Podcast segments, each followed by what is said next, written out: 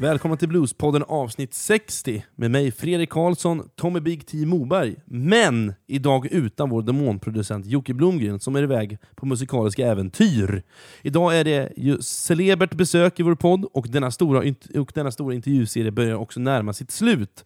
Det lyckades falla fint när vi nu går in i ett nytt tiotal med vår podcast. Hur ska vi ens kunna beskriva denna stjärna Tommy? Jag tänker för de som inte vet vem det är, men att inte veta vem Erik Bibb är i vårt sammanhang är lite som att säga att man tror på Gud men inte känner till treenigheten, eller hur? Mm, Ja, lite så är det ju. Erik Bibb är ju bluesmannen, låtskrivaren då, som tog sig från USA till Europa, som aldrig gav upp och har ett CV som sträcker sig längre än ditt och mitt förstånd, Fredrik. Vi har bara skrapat på ytan på denna fantastiska artist som var vänlig nog då att bjuda in oss till sitt hus utanför Nyköping. Det blev en ytterst trevlig och mysig stund tycker jag, eh, vid köksbordet där också hans fru Ulrika satt med under hela intervjun. Vi fick hela bakgrundshistorien kopplad till nuet och att denne man besitter en stor klokhet och ett djup, både intellektuellt och musikaliskt, det tycker jag att vår intervju kommer att visa er. Så, innan då vi kastar oss rakt in i Erik Bibbs underbara värld, hörni, så har vi faktiskt ett sponsorinslag.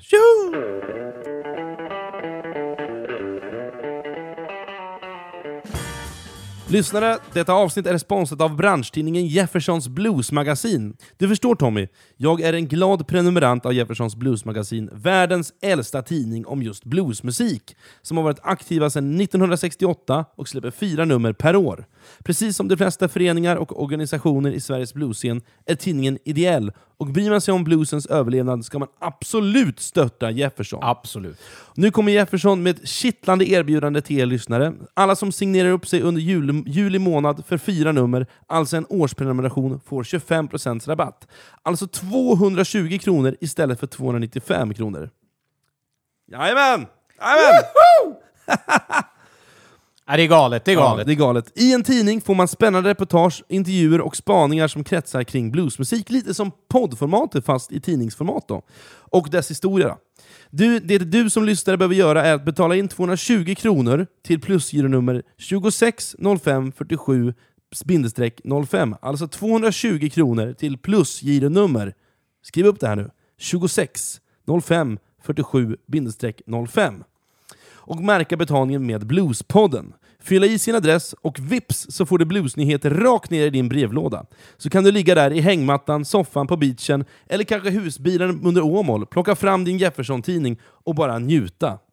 Om jag visste att det hade haft ett så här bra erbjudande, då hade jag signerat upp mig direkt. Jefferson har förutom tidningar också ett skivbolag tillsammans med SBA, Swedens Blues Association, som bär etiketten Jefferson Records, som har gett ut ett antal vinyler och CD-skivor. Bland annat den skivan som vi recenserade här i podden, The Deputy... Vad uttalar? The? Deputies. Med featuring Sven Zetterberg va? Inspelade live 1998 på Kaos om jag kommer ihåg det rätt. Absolut. Mhm. I oktober intar Jefferson Scalateatern då det firar 50 år. Wow. De lovar fem akter som är yngre än 50 år. De säljer också merchandise i form av t-shirts, shopping, bag, tygväska, CDs, lösa Jeffersons-bilagor, nya och äldre.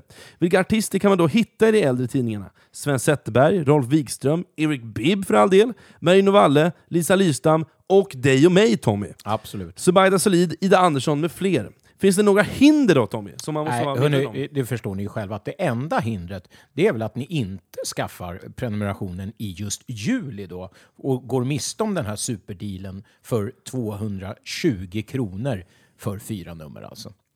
Så att gör det nu under juli så gör, eh, så gör ni rätt och eran plikt. Så banka in de här 220 prutten på plusgironummer 260547-05. Märk betalningen med Bluespodden, namn och adress. Tack Jefferson Blues Magasin för att ni gör Bluespodden möjlig.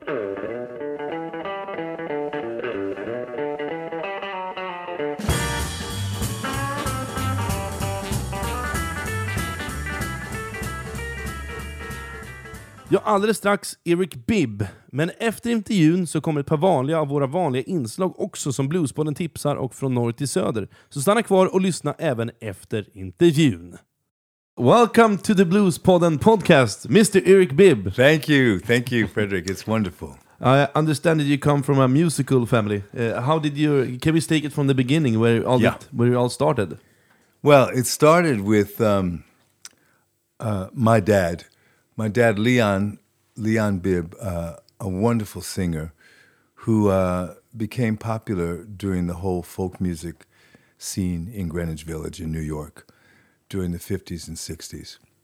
So, through my dad, uh, I discovered this wonderful world of uh, American folk music, which, of course, for him uh, was primarily work songs and spirituals and some blues. But through him, I heard so many beautiful records. I met so many great performers. I mean, in person, I mean, I met Bob Dylan in my own living room. Uh, Odetta, Josh White, all of these people were around. Uh, my dad, you know, knew and heard Lead Belly.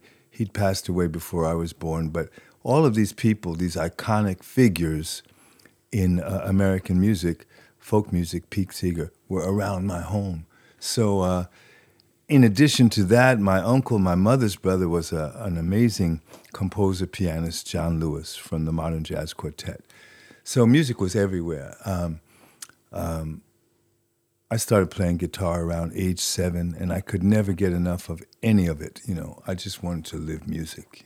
Yeah, but uh, but uh, did your father Leon also? He was um, maybe you said that um, um, musical. He was a, Yes. a musical artist. He was a trained singer um, in the sense that he studied voice. Uh, he had a great natural voice, but he also came to New York from Kentucky, from Louisville, Kentucky, and he studied voice. You know, he studied lieder and you know with with uh, classical teachers, and he auditioned for many shows on Broadway.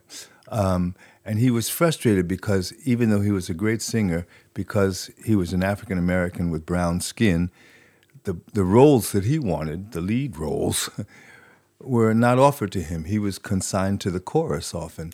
So he was frustrated with that, and that's why he decided to create his own repertoire of folk songs and become a solo artist. You know. So it fit kind of well with be going to the folk music scene in New York and with the Greenwich Village. He Yeah. came in contact with all the Yes, he came to the right place. yeah. He met progressive people. You know, he was from the segregated South. He grew up in a community of, uh, you know, black Americans who were self sufficient, their own doctors, their own lawyers, their own dentists, their own churches. He said, man, the first time he really had a conversation with a white person, other than, let's say, a teacher or a policeman, was when he came to New York. You know, his whole world just like opened up completely. But um, he was. Um, an amazing singer and also uh, uh, a man who um, was ambitious and really wanted to uh, open up his experience. You know, so he took us to Europe when I was 12 years old. He, yeah, I had a great upbringing. Yeah, I remember you, you went to Gröna Lund when you were just a kid. Right? I did. Yeah. You know, it's funny. On the way back from um, a tour that my dad had in what was then the Soviet Union, he was invited by the Cultural Ministry of the USSR. And he took the whole family on a trip to Europe, which ended up uh, being a month in the Soviet Union. Mm, Oh wow! A tour that my dad had, 30 concerts maybe. Did you join him for the tour? Not on stage. No. I was just in the audience. He came with his own guitar player from New York, uh, a great guitar player, and um, Stuart Scharf, and my mom, and my twin sister, and me, and my younger sister. I had my 13th birthday in Kiev.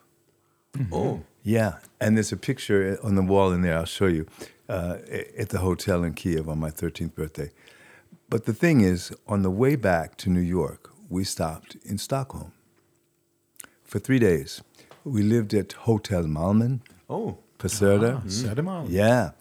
And little did I know that, like some seven years later, I would be back in Stockholm starting, you know, my own family. You Yeah. know, amazing. You know, I pass uh, Hotel Malmen every time I'm in Stockholm, and I think, God, I was there when I was 13. You know? yeah. But what did you? What was your? Um, I mean, do you remember what your first thoughts of Sweden was? Yeah. Yeah, I thought, um, first of all, it was, um, obvious that we were not from Sweden. there were not many African Americans around, so we stuck out, you know. But it was a kind of um, friendly sticking out. It was not uh, like a, a tense thing. Uh, we were exotic for sure, but people were friendly. And we went to, I remember we went out to Gröna Lund to hear Josh White, who was going to be per- performing, but he was ill, and his son, Josh White Jr., uh, Donnie came in his, his place. And I remember going into the backstage uh, dressing room, and there was Josh Jr. Sture Nordin was playing bass, the jazz bassist Sture Nordin. And Josh's 12 string guitar was on a table in the dressing room. My mother and father were talking to Josh here, and I was half listening to them, but mostly I was looking at that 12 string. and I made a beeline for that 12 string, and while they were talking, I picked it up. I mean, I should have asked them, man, you know, can I play a good? I didn't ask, man, I just started playing. And I started playing something, and Josh turned around and he said, Oh, that's Bonnie Ship the Diamond from Judy Collins. I said, Yeah. You know, so he recognized what I was playing. So I was really happy because it was, you know, it was something I'd worked out at home, you know. Oh, yeah. Yeah. But Sweden for me at that time was a very, um, uh, I felt like uh, it was another world. It was so much cleaner than New York. You know, I'm from New York. And Sweden at that time, this is the mid 60s, 64, um, you know, it was just, um, it felt like a, like a Dick and Jane world. Dick and Jane was those little readers you get when you're in the first grade. Dick and Jane see Spot the dog run, and all these white people with their little houses, you know. and it was like, wow, this is like some other world, man, you know. Yeah. But it was a positive experience, really positive, which had something to do with them, I'm sure, with me uh, coming back. You know, I was living in Paris, and I decided, at the suggestion of some friends, to uh, come visit Stockholm again, and I did. I came back in the in the month of May, early '70s. The weather was perfect for like a month. I thought, man, this is paradise. Of course, I discovered it's little, little, little to the side of paradise. But uh, at that time, it was really a very um, open, friendly, um, naive in some ways, but the friends that I met all liked the kind of music I liked, you know. Yeah. And then there was this prog music going on at the same time, which was a very energetic movement. So I was, uh, you know, really happy to be here. And how old were you the second time when you came? 20 years old. 20 years Yeah, old. Yeah. And that was during the heyday of the hippie. Yeah. Era, oh yeah, man. It was and- it was Yeah. And there were lots of musicians from Sweden and from everywhere in the world around. You know, I met Amadou Diar. Uh, I met um, musicians from uh, not only West Africa but South America. Great players, uh, and great players from here. I played with. You know, on my first record, uh, I played with Torbjörn Hultcrantz on bass. Um, I met a lot of people. You know, Yeah. a lot of really wonderful people. I met Eddie Boyd in Sweden. Um, I met Slim Notini. You know, I met a lot of people who Yeah, were on the Stockholm blues. Slim. Yeah, yeah. But Slim Notini also, Yeah. met- didn't he play with um, Howlin' Wolf? Ye- Have you heard No. Magic Sam on he his played Magic with, yes, Sam, yeah. exactly, exactly. You know, he told you that story? Yes, too? I heard that story. I didn't get the details, but uh, I know Slim has been around. Not to mention our, our, our dear friend Mr. Zetterberg, who Yeah. who uh, was probably the mascot of some great guys in Chicago. Yeah. Yeah. He could tell you, Yeah, you could sit and listen to him for hours about Mm-hmm. the different people he met there. I'm thinking if we jump forward, but still talking about family, Mm-hmm. uh, um, we spoke about earlier before the interview started that uh, I got the honor of playing with you on one song, Yeah. one of your songs, but in a special way because it was together with your grandson Samson and his band, uh, the Bluebenders, and I played drums for them at the time. a great gig, by the way. Yeah, and you came up uh, and did a beautiful duet with Samson in my father's house. so uh, I'm just wondering how it feels in a moment like that to see your grandson uh, singing the blues and going in your footsteps. It's almost indescribable uh, in words because it's such a huge um, uh, development. You know, here I am, a guy who was welcomed into the world of music by my own father, who gave me a path in life. And my oldest son, Rennie, also became a performer, first a dancer. And his son, my grandson, Samson Miro, on his own, without any, you know, um, lobbying from any other source, decided that he was not only going to be a musician and a fine singer that he's become, but he was really going to focus on uh, an older form of music, you know, blues for sure, but even, you know, the fact that he got into this whole, you know, jump blues, he was like, you know, uh, like this blues shouter, you know, from the 40s, man. Yeah. It's like, where did this come from? And he's very knowledgeable. He's like Big Joe Turner, man, you know? It's like, what a big voice and a big personality and a real natural swing and ease on stage, man. The guy is such a, a natural performer. It's such a joy to see somebody so comfortable in his own skin Yeah. doing what he loves and sharing that love with an audience in a, a really open, generous way, but without uh, pretension. It's, it's amazing. I feel honored that I have something to do with his development, you know.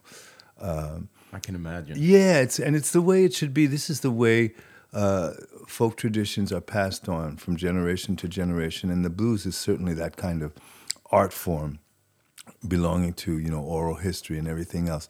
So it doesn't matter where you are, apparently, in the world. You could be at the North Pole, you could be in Sweden, but the blues is going to get you. Yeah, and I think You know. it was like 16 years when he first came to a blues jam that I Mm. hosted. okay. And so we we him and his friends we took them in from day one and I mean they couldn't maybe they wanted to drink a strong Right, beer but right, they couldn't right. and they stood there with their Pepsi or whatever Right. and got up on stage and they felt so confident from the start the the whole gang and their friends. They play And that way. yeah Yeah, yeah. They, And they sound uh, so experienced. it wasn't that way for me but it's great that it is. Right. that way now Yes. so yeah Good point. I was just going to say to you, Tommy, that the, for me, the speed at, with, at which uh, young musicians are able to uh, assimilate a genre and the language and the vocabulary, in this case of the blues, but I've seen it in young jazz players as well, because they have access to uh, music in a way that we never did. Their learning time is is telescoped, so they're sounding like experienced musicians. Yeah. You know, like thirty year olds when they're seventeen. Yeah. Yes, man, it's wild. So good, you know, you can see stuff on YouTube. And, Yeah, yeah. so they Yeah. get the moves as well. Yeah. They only not, not only the music, but they also get to see Yeah. The body language of these performers, and uh, yeah, it's it's And I wonderful. thought they were going to ask for some, you know, Johnny Winter or Stephen Right, Ray stuff. right. and they asked for like, yeah, I heard you did one uh, sort of a lounge blues song once. Let's do that Yeah, one. I was yeah. like, what? Yeah, yeah, yeah. They're Really knowledgeable. soft, like, and I was Yeah. like, um, yeah. But, but I, amazed. I think it's beautiful. I, Yeah. I'm, uh, I'm. Uh, we have to admit that I'm the youngest one in this around this table. But I remember that uh, when I grew up playing blues, when I, Mm. I was like 15, 16, I had nobody, nobody else. Right, I right. Was The lone alone. guy, Yeah, yeah. You know, I'm, I was the lone guy. I want to play blues, and everybody Yeah. wanted to play funk. Yeah. you know, so Right. it must mean so much to to Samson and Morris and Edwin to be, you know, the gang going down to Yes. play blues together with the older, you know, guys, you know, the older kids in the playground. It's a it's a beautiful thing. It's Yeah. a really beautiful thing. I'm uh, amazed. I heard a radio program with Samson, and uh, an earlier version of his band, um, and like I said, uh, you know, this is with saxophone and, and guitars, and um, but playing um, not your typical Chicago blues, you know, but playing you know some real Kansas City jump stuff and. With arrangements and everything, you know, guy sounded like a little T-bone Walker. You know, I said, "What? These people are, you know." Yeah, I was I was really just knocked out. And Sam's um, his humble pondus, you know, is so attractive uh, uh, to see on stage. Somebody who is so confident, but is not strutting. Is just having a great Yeah. time. You know, it's a it's a wonderful quality. I expect um, wonderful music from him coming. Yeah, me coming too. up, yeah. Yeah. It's gonna be really interesting to yeah, see what's yeah. gonna happen. Yeah, yeah, exactly. Because he's a, like I said, he's a musician. He's quite um, uh, he's very broad-minded and very um, knowledgeable uh, uh, about um, uh, related forms. I mean, you can ask him about old Blue Note records, you know, with uh, jazz artists you haven't heard of, and he knows about them, you know. But uh, Yeah. but he's uh, but he's studying at uh, Södra Latin Yes, right now. Yeah. yes. Yeah, and that was because you haven't studied music at school. Have you? I did. You did? I did. Right. It's funny. Uh, it's funny how things go i arv, som Yeah. säger på svenska. Uh, how they uh, get passed down. I went to a similar school at his age called the High School of Music and Art Mm-hmm. in New York. It was a famous school that eventually merged with the Performing Arts School downtown. My school was up in Harlem at the time, but this is the school that uh, Fame was based on. Yeah, it was that kind of school. So uh, we had fine arts uh, and music, and I was in the music department. First, I was playing um, uh, bass, contrabass in the uh, in the orchestra, and I got tired of lugging it home every weekend. You know, carrying it home to. so I switched to the chorus, and I became a bass singer in the in the chorus. Um, but yeah, I had formal music education, and um, more than that, I uh, I had some wonderful guitar teachers. I was a, a poor student because I always wanted to do my own thing, but I did I did get a foundation in um, in classical guitar, which really helped me, uh, especially when I decided to go for finger picking. I really already had. Uh, my fingers working, you know. It wasn't like I was a plectrum guy. I could never really play with a plectrum. Um, so I was always uh, some kind of finger picker. But um, as, as I was saying, music has always been with me, and I share that with Samson. He was surrounded by it when he was a kid, and he always wanted to go to a music school. I remember when he was younger, and he was talking about auditioning and concerned that he would get in, and you know because the competition was stiff. And but we always knew he was going to go there. Yeah, yeah. But uh, I also know I have we have talked a lot about the Samson, but uh, your son uh, René. Mm. Rennie. Yeah, Rennie. Uh, it's really funny because I didn't know. I didn't know. I just knew that he was a mu- musician and a Right. dancer. Right. But then I met Julia, my my my sweet girlfriend. Yeah. And she's in the musical artist. Uh, Okay. and uh, then I heard from you know his uh, from her friends Circle, and yeah. that your son is a legend. I Uh-huh. mean, in in in that you Yes, know, In that world. in that world. Yeah, and, uh, you yeah. know, and, uh, and I didn't know that, but he was because he did Grease. Now he's And done he- so many. Yeah. he- everybody thought, yeah, he's a good dancer, but now he's gonna sing, Sing, and yeah. then he sings. You know, Yeah. he's an amazing. I saw a clip, and I was like, good Yeah. God, well, he surprised me because Rennie was always, uh, from a very young age, a very, very gifted dancer. And I wasn't really aware that he was that interested in singing.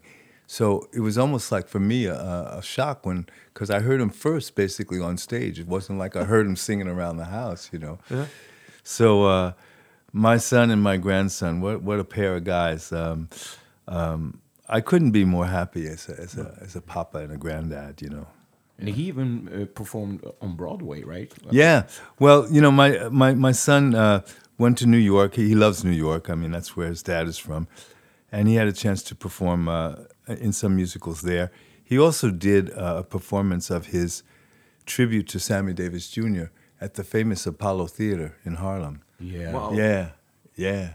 And with his two partners, Yeah, right? yeah, yeah, yeah, yeah. With Col- with the whole gang, you know, Yeah. it was an amazing uh, situation. I'll tell you why, because this is this is that kind of cosmic thing that goes on. My dad, when he first came to New York in the late '40s from Louisville, Kentucky, did what a lot of young, uh, talented musicians musicians did. He uh, signed up to um, be in the weekly talent show at the Apollo Theater. This is a famous, you know, tradition. And he won.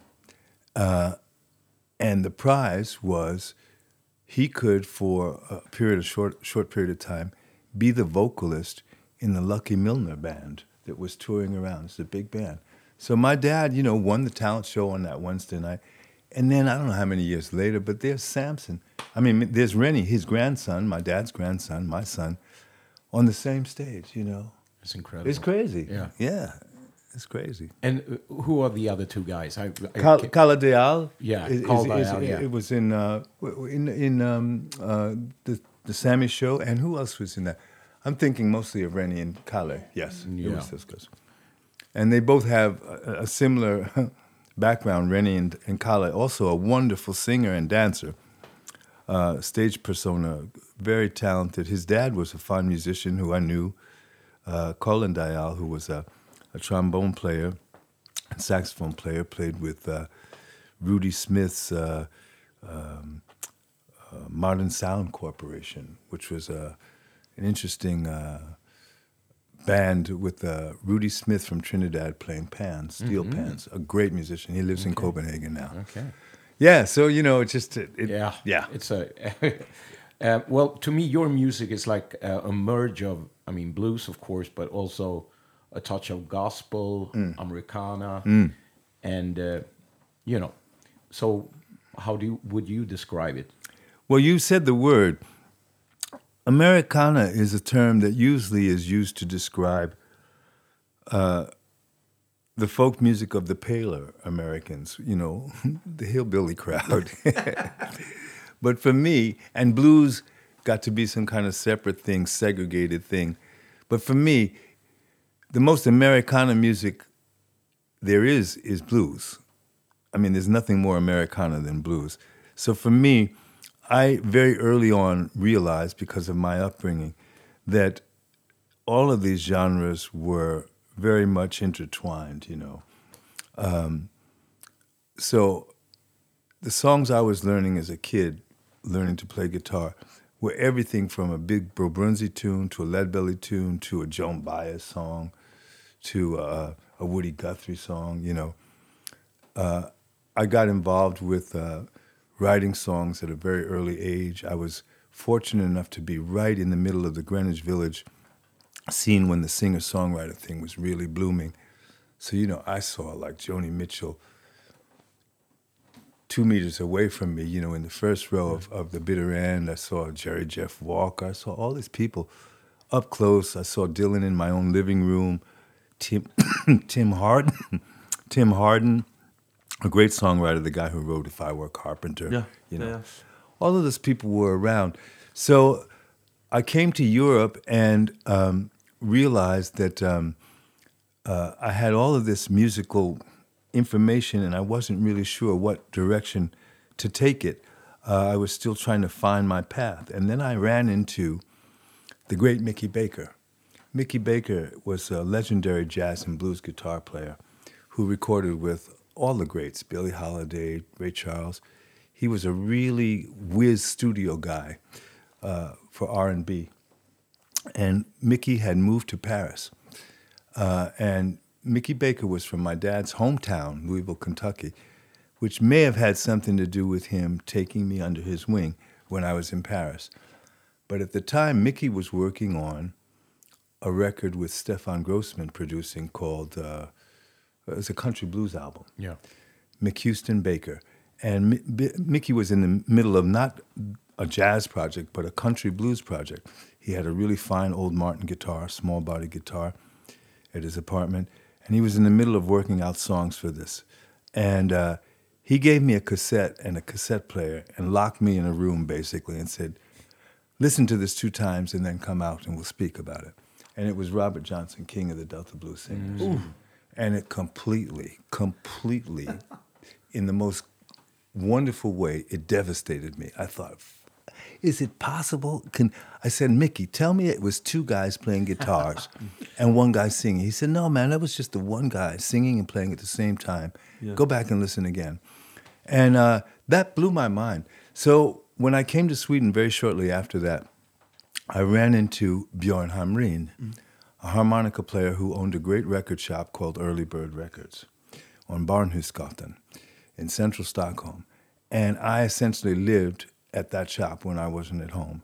And Bjorn was a great friend who let me tape his whole store. you know, I had a Revox tape recorder. and So I dove into country blues like, like Yeah. yeah, like uh, like that was the only thing happening, and um, I listened and listened, and I started trying to really figure out how to play this stuff. But mostly, I just listened and listened and listened and listened and listened, and really took on board, without too many other distractions musically, because I focused on that. Had I stayed in New York, I had the feeling that my interests would not have been so focused. You know. No, Yeah. of course. But the the the thing that uh, you because you okay, so you grew up in New York. Yeah. You see all these cool Greenwich. Uh, Yeah. Village cats, you know, playing Joni Mitchell and you know Yeah. Tim Hardin and Yeah. Bob Dylan, and we're gonna talk about that later. Okay. But uh, uh, and then you come to Sweden uh, or Paris, and you Yes. hear the Robert Johnson Yeah. stuff, and now we sit here fifty years some some later. Yeah. So how do you uh, use the Greenwich Village sound that you heard when you were a kid, combined with the Robert Mm. Yes. Johnson? Because when I Right. Mm. listen to your music, which I've done very much for over ten years, you can always hear both sides. Yes. Uh, so how how would you describe it yourself? How do you? I mean, when you write songs, how does it? Uh, how do you how do you combine them? Right, Yeah. right. Well, sometimes, um, uh, let me put it this way: there are songs that I am writing at the time that I'm writing them. I'm aware that they are basically going to be more like Guy Clark than than you know than Howlin' Wolf, you know. Or I'll start with a guitar riff and I'll say, "Oh, this sounds like big boy Arthur Crudup, you know, and this is not going to be a, a James Taylor type of ballad. This is going to be something else. So I'm pretty aware because of the guitar leading the way often what type of song it's going to be. Um, however, it gets a little bit more complicated because I always felt I could verbatim by rote learn somebody else's guitar arrangement. Robert Johnson's, for example, even though I don't play slide. But I thought, okay, there are people who do this and they do it very well. Um, but I still want to go back to the original. So maybe the idea is for me to, just like those guys had their own sound based on a lot of stuff that they'd heard and synthesized, maybe I need to focus on my own blend, not try to sound like Robert Johnson, but let people know that I love Robert Johnson's music, you know? So, excuse me. If I write a song like we talked about it before, Sugar Mama, that's a song that's definitely influenced heavily by an older style of music, country blues from the 20s to 30s. And there's no point in me trying to uh, mix it up with a fancy, you know, extended chord or something just to do it because this this groove is great, this feel is good. Let's stick with this, you know. But then there'll be another situation where I'll feel like, well, actually, I can actually, with this old gospel tune, I can actually mix in a chord that's really quite modern. Uh, but if I don't um, dominate with this, if I just use it as spice, it could be an interesting something new, which which I like because, like I said, if if I'm going to do something that's so called pure, and I don't really believe in that term when it comes to music, because everything is is basically a, a mix. Um, but if I'm going to do something that sounds more like a straight ahead blues or gospel tune, um, then it's got to be something really, really strong. Uh, otherwise, I'd rather go listen to you know the Dixie Hummingbirds or or, Yeah, yeah. or, or you know Mavis or somebody you know. Yeah, yeah. So uh, yeah, and in terms of mixing the stuff, it's something that's happened uh, over time in an intuitive way. I don't analyze it anymore. I don't think about it. I just follow my heart, you know, and my fingers. Yeah. you know. It's a good answer. Thank you. Thank you. I like your questions. Yeah.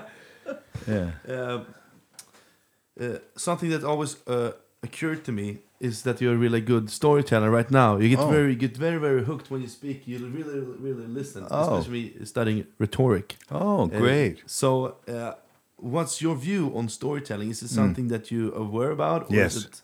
Is it, or is it? Uh, Thank you for asking. I don't get that question many uh, many What- times. And what makes a good story? Well, let me tell you this. I, um, as I said, grew up uh, listening to all the great storytellers, from from Lead Belly to to uh, you know Woody Guthrie. Um, I'm aware of the song form, particularly the folk music forms, used in the service of telling story, particularly historical stories. And I discovered that I really like songs that made me aware of place names and names of people who really exist. Uh, I found that fascinating.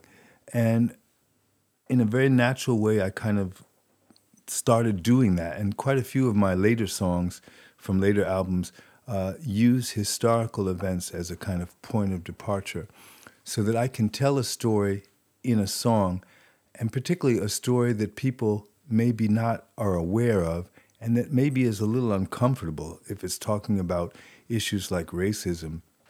But you can say something in a song that would be more easily uh, absorbed than if you were having uh, a polemic or a discussion with somebody. So I just discovered that that was really a contribution that I could make that would make me um, uh, happy to to contribute what I've learned about history because I read a lot. Yeah. I read a lot, and um, many of my song, songs, the, the storytelling songs, are based on things that I've come across when I've read something that's uh, exciting or interesting. And I feel like, oh, I need to share this. And maybe a young person who will not read this thick book that I'm reading is going to at least get a part of what I've learned from, from this reading, you know. So uh, the storytelling thing is, is really, um, really important to me. And then when I met musicians from West Africa uh, who are from that great griot tradition, kora players, who carry their whole history uh, orally. It's not necessarily written down like we do here in the West. Uh, when I realized that in some way I was connected to this griot connection, you know, uh, I met some wonderful musicians who made me feel like, man, you're like you're, you're an American griot, you know. They say to me, you know, I said, wow, you know. so uh, uh, that whole storytelling thing is very important to my work, yeah. And that uh, theater show, show you did, Yeah. uh, that Fre- Fredrik actually seen. I, Okay. I didn't see it. So, Tales from a Blues Brother, yeah. so, so how did did that come about? And again, I have my son to thank.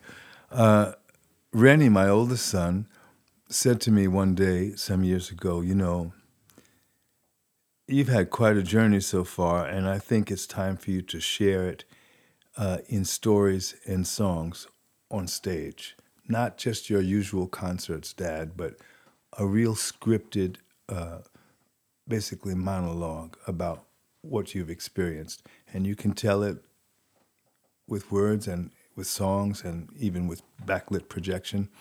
And um, I was a little skeptical at first. I said, Really, do I really want to tell my story? Is that what I should be doing here? Uh, and he said, Believe me, it's, it's something your voice should be heard in this context. So I said, Okay. And he, um, he hooked me up with a wonderful script writer, uh, Ola Lindholm, who, who has worked with uh, so many things uh, on television, very experienced. And we put together a script. Uh, we timed it, and we got together about how we wanted to produce it uh, physically on stage. And we um, toured with it for a while. I, I did a show in Gothenburg at the Stora Teatern, and that's where we filmed it.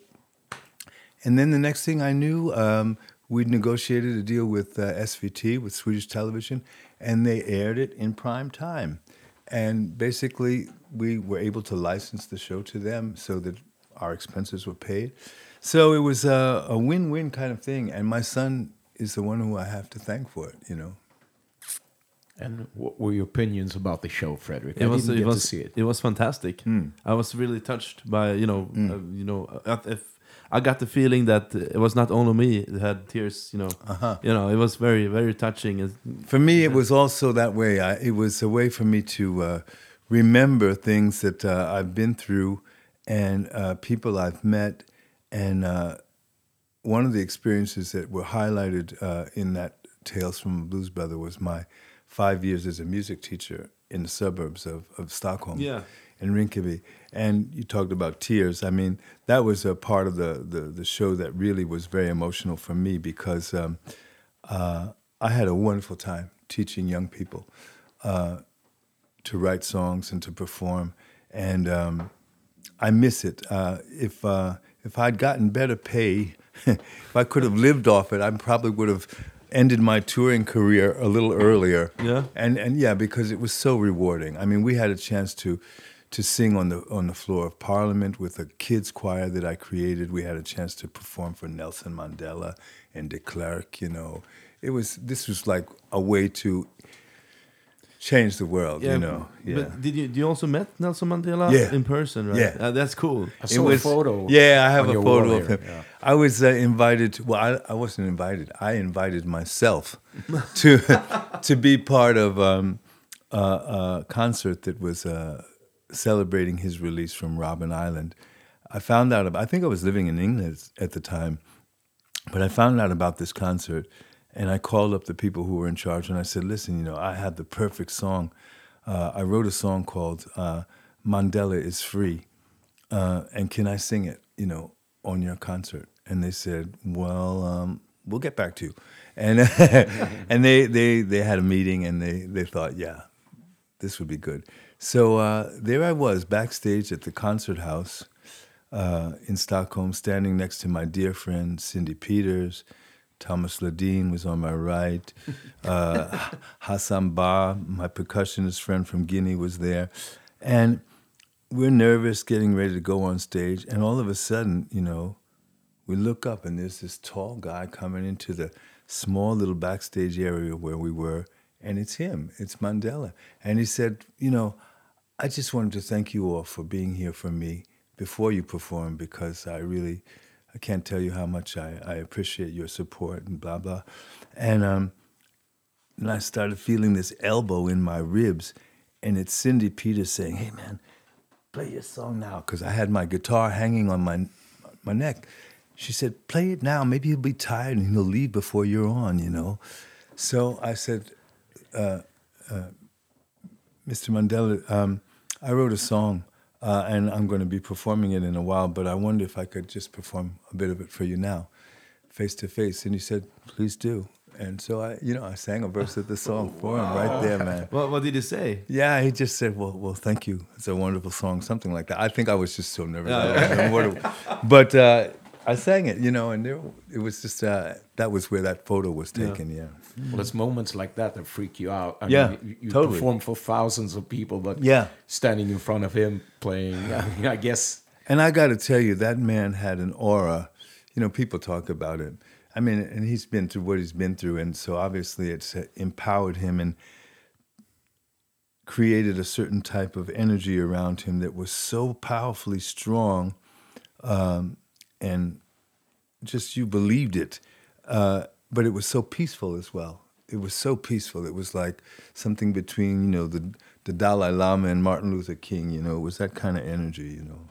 But uh, I, I, sorry, I have to Yeah. um, ask you something because I don't know if that was a part of the show. Maybe Mm-hmm. you don't wanna, uh, as you say, not conceal, but avslöja. Okay. But, but I was Reveal on, it. Yeah, reveal, Yeah, yeah. mhm. But but I was on the show when you talked about the high school kids, and one of the guys Yeah. was there. Was it was uh, Yes, yes, yes. So I had a wonderful uh, uh, performance uh, at Scarlet Theater, I think Yeah, it was. I was there. Yeah. Yes, and one of the students who I was teaching when I was uh, a teacher, a music teacher in Rinkeby, the suburb of Stockholm, one of the students was a very, very gifted boy from Sarajevo, who was one of the first kids who came to Sweden on his own without his parents from Sarajevo when, when Sarajevo was being bombarded.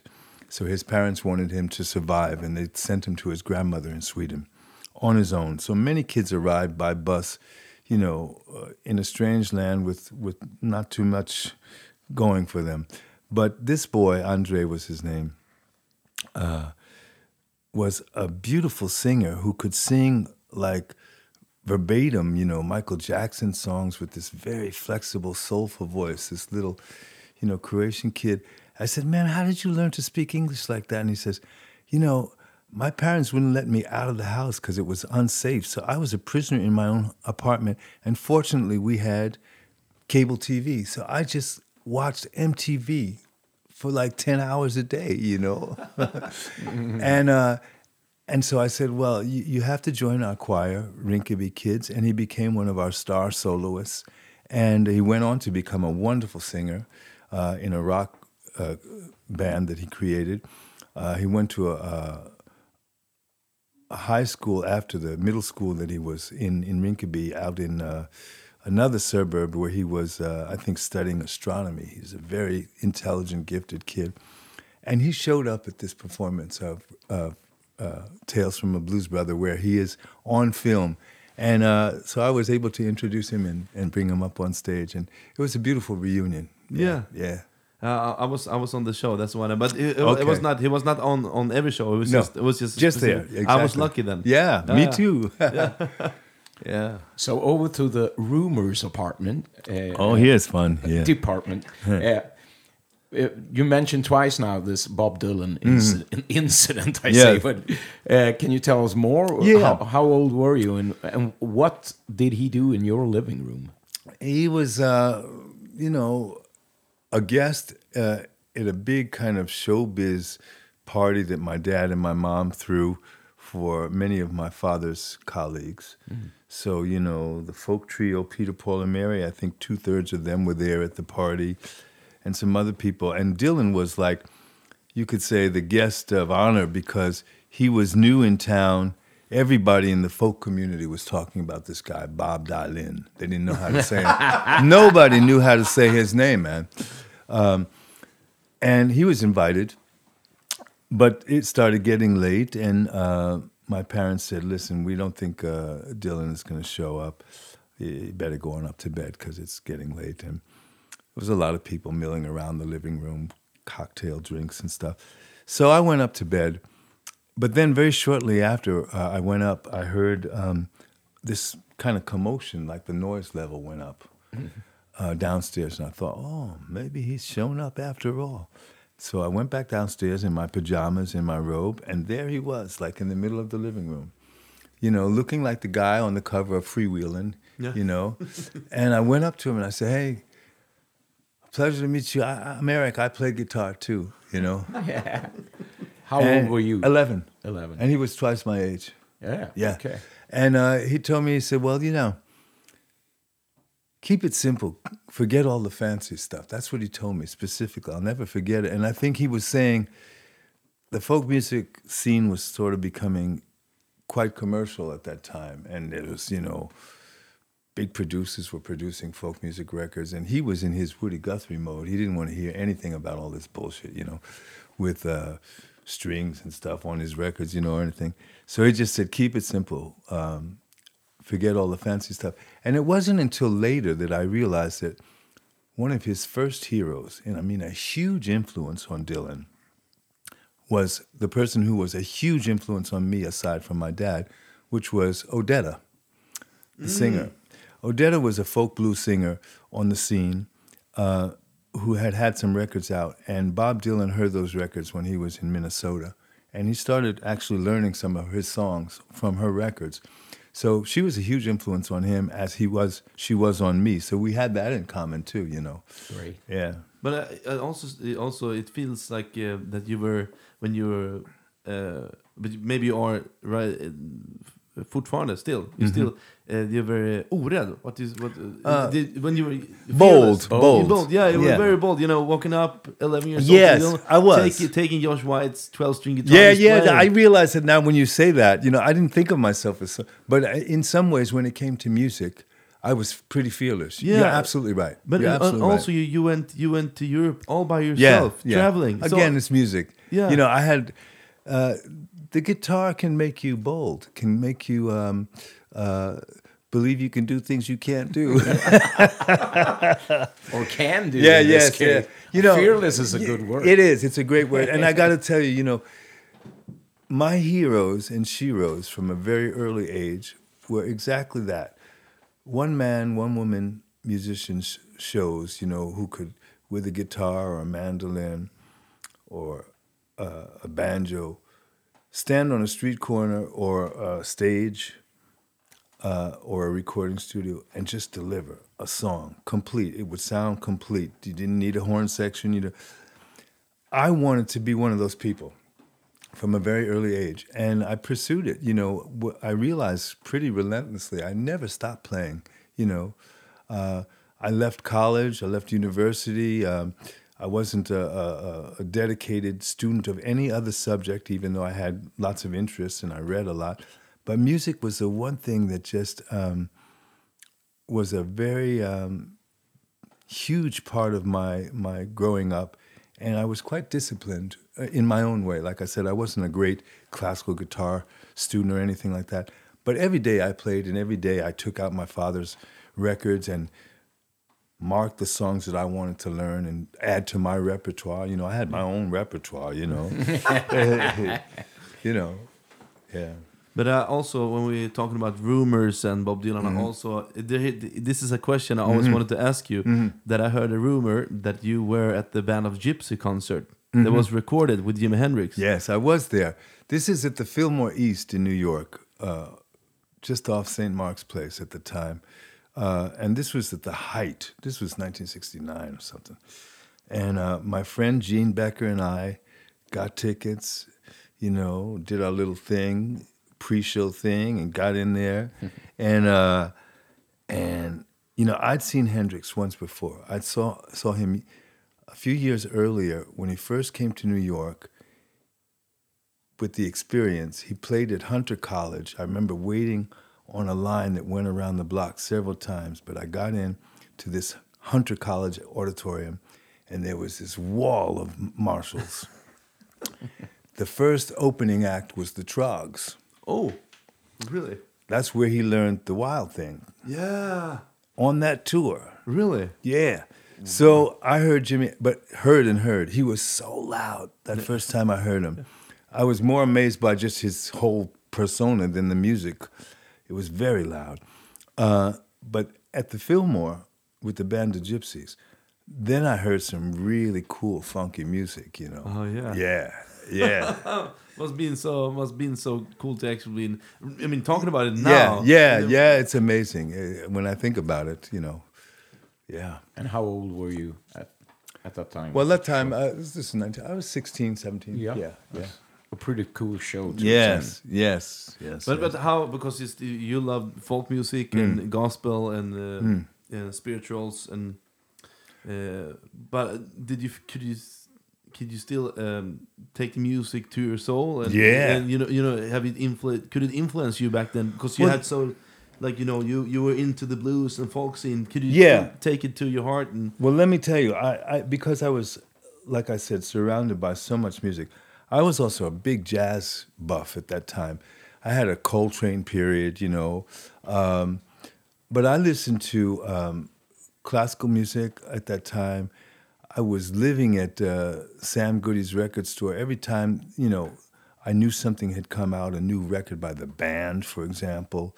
Uh, this was the 60s, so everything that was good, that was new, that was happening was exciting to me. So I bought all kinds of records. You know, I bought, you know, everything from, um, you know, Howlin' Wolf to uh, Joni Mitchell to, you know, it was all kind of, it's all mixed together. You know, you could see that music on the same stages, you know, sometimes.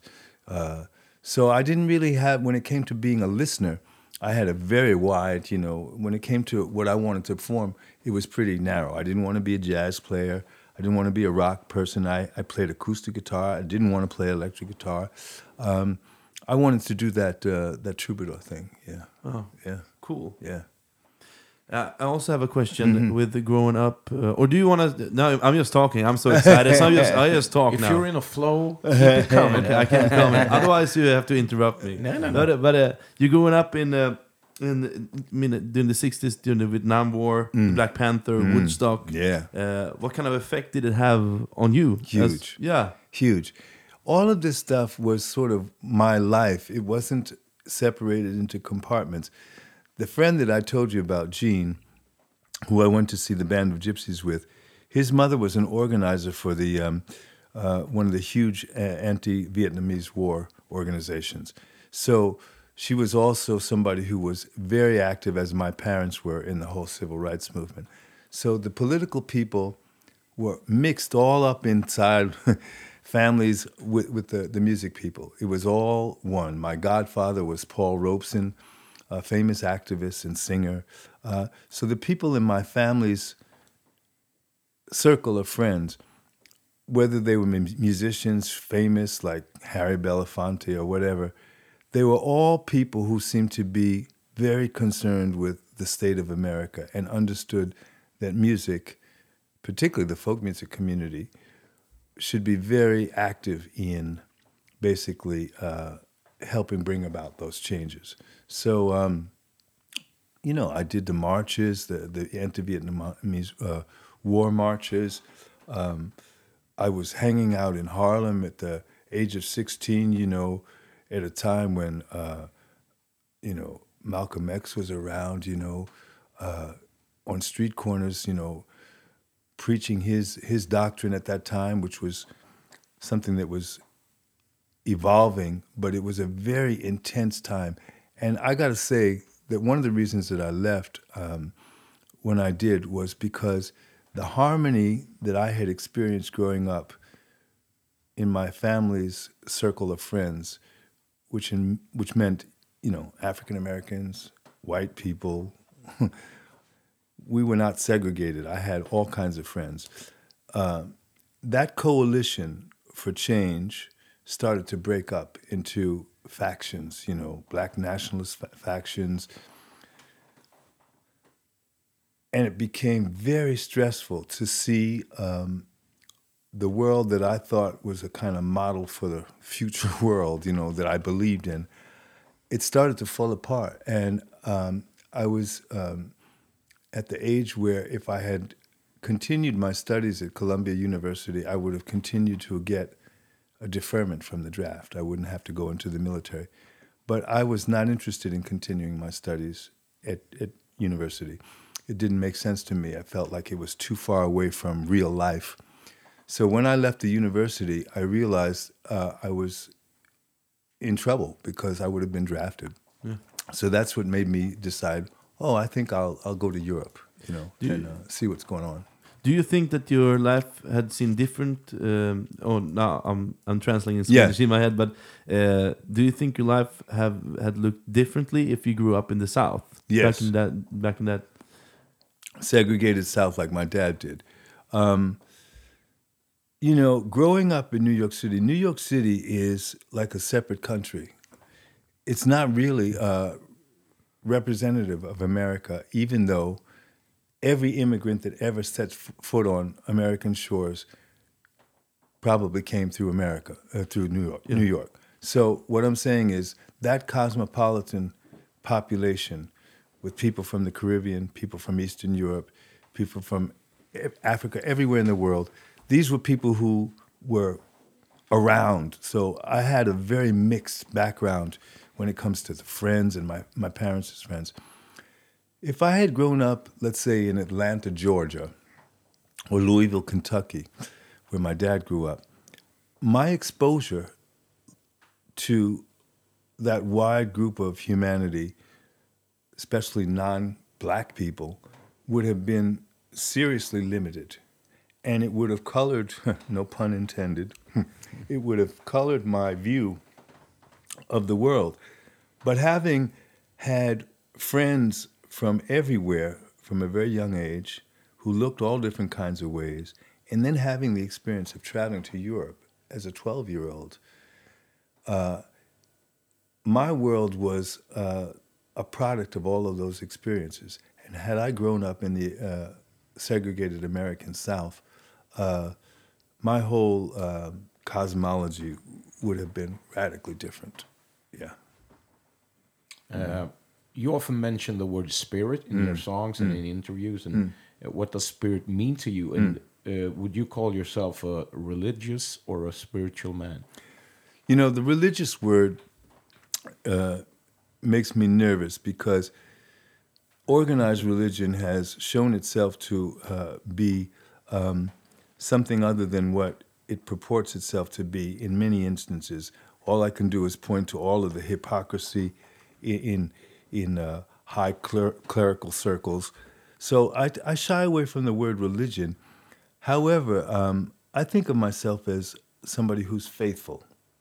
And by that, I mean, yes, I believe in something bigger than uh, what we can describe in words. I don't think the world is an accident.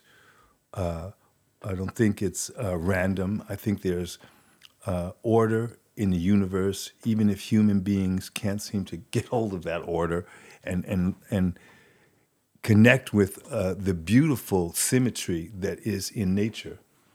So that's a spiritual aspect of life that uh, plays a big part in my creativity and in the way that I see the world. Yeah. Do you, do you think that people often mistake you for being a um, people come up to you Yeah. Are you a Christian? Yeah, yeah, exactly. Yeah, exactly. And you know, do they get the because you sing a lot of, of Yeah. mean, religious, but because gospel. I also love gospel Yes. music and all spirituals. I love the music, but I'm not a fan of, of Right. of of uh, Religion. Religion, no, but you know, my I mother what you is, so I have to respect it. Right. Uh, but uh, uh, but I mean, if people comes up to you, it's like you want to talk about God, and Yes. you know, isn't that is is that is is that annoying you, or is it? It depends on the attitude. Let me tell you exactly what I mean by that. Uh, and it's a good question, and it, it, it really deserves a, a, a proper answer. I think everybody at certain points in their life uh, come face to face with the big questions, you know, where do I come from? What happens when I leave here? All of that stuff, which puts you in touch with some form of spiritual or religious teaching. Whether you pursue it or not, whether you become a Hare Krishna, whether you become a Muslim, whether you become a Kabbalist, whether you become a devout Christian, whatever. That to me is not really the main point. The main point is that most people at some point realize that there is a, a spiritual aspect to, to life and that there may be a divine source, you know, and how far you go in those investigations is totally uh, individual. But I will say this what annoys me is not a person who's curious about spiritual matters. What annoys me is when people separ- separate the people around them into categories of so-called believers and non-believers. Edu, Trugan, Edu. I don't want to know that. I want to know what you feel about who you are in this world. And if you want to have a serious conversation about that and it leads us to talking about Buddha or whoever, that's fine. Or Jesus, who I think was a wonderful teacher. Me personally, I never grew up in the church. My dad did, my mom did to a degree, but my dad certainly did. Every time I would go visit my my grandparents in Kentucky, they would drag us to church every Sunday, and we'd have to stand up and speak New York to the people because our accent was fascinating to these Southern folks, you know. So we'd have to stand up and say, "Hi, I'm Eric. I'm from New York," and they would titter and they say, "Listen to the way he's talking," you know, because it sounds so different. and I understood that my grandparents really believed in what they uh, had been exposed to in terms of Christian teaching. What it really was was wonderful to see a community that gathered together weekly and kept in touch with each other and stayed connected to some kind of seriously ethical doctrine, you know, Yeah. so that their kids would learn to be respectful and not to be, you know, rude criminals, you know. This was positive to me. The fact that the civil rights movement came from the church tells you everything. So there were many advantages to the whole black religious experience. Um, and when it comes to what I sing and the songs that old songs or new songs that contain Christian terminology, references to Lord Jesus or whatever, those are expressions that I can feel connected to for their essence, not for their doctrine as such. I'm connecting to generations of faithful singers Yeah. who are singing songs that have kept a whole people thriving, if not thriving, at least surviving in the in the midst of huge oppression. Yeah, yeah. Let's get it. Let's get it straight. The great music of African Americans, whether it's gospel, work songs, spirituals, blues, jazz, is the product of an incredibly traumatic experience. yeah. And you can also hear it when yeah. you listen to it. Yeah. So this is so when I heard Mahalia sing when I hear Blind Reverend Gary Davis sing, when I hear Willie Johnson thing sing, I said, man, if that's not real, nothing's real. Yeah. You know, that's got to come from some place that's beyond just the human realm. Yeah. You listen to Blind Willie Johnson sing, man, and you just think, man, this is supernatural. Yeah. You know, so Yeah. Uh, so there's got to be something real with this faith thing. Yeah. And that's what hooks me. So it keeps me connected, singing those songs, Needed Time, Oh Mary, Don't You Weep. These are great songs that contain some power because so many people have sung them with such faith that it's transferred to the singer. Yeah. You know, whether you call yourself true wonder or a believer or not, you're going to feel something. Yeah, yeah. I, I always, I always. Mm-hmm. This is al- always a test I have when I, you know, when I sit with a group Mm-hmm. of my friends who's not into the, to the old spirituals. That Right. I'm, I'm, you know, I listen to the Blind Boys of Yes, Alabama, the right. five Blind Boys of Yes, Alabama, exactly. Hummingbird Singers, Yes.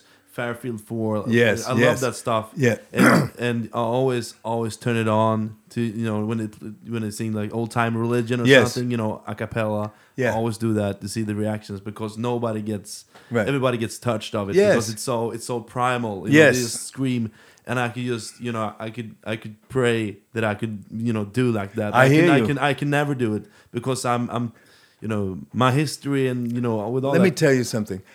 I can do it to the degree that I can do it in my way, but I'm not a Southern born African American. I didn't grow up in the church. So there are situations, believe me, when I can be in the company of other African Americans and really feel like an outsider because it's not my culture, even though I love that aspect of it and I feel connected to a part of it, have some kind of link to it. But I got to be honest, you know, I grew up, you know, in New York. You know, I'm more familiar with certain Jewish customs, you know, than I am with, you know. So it's like you have to be real.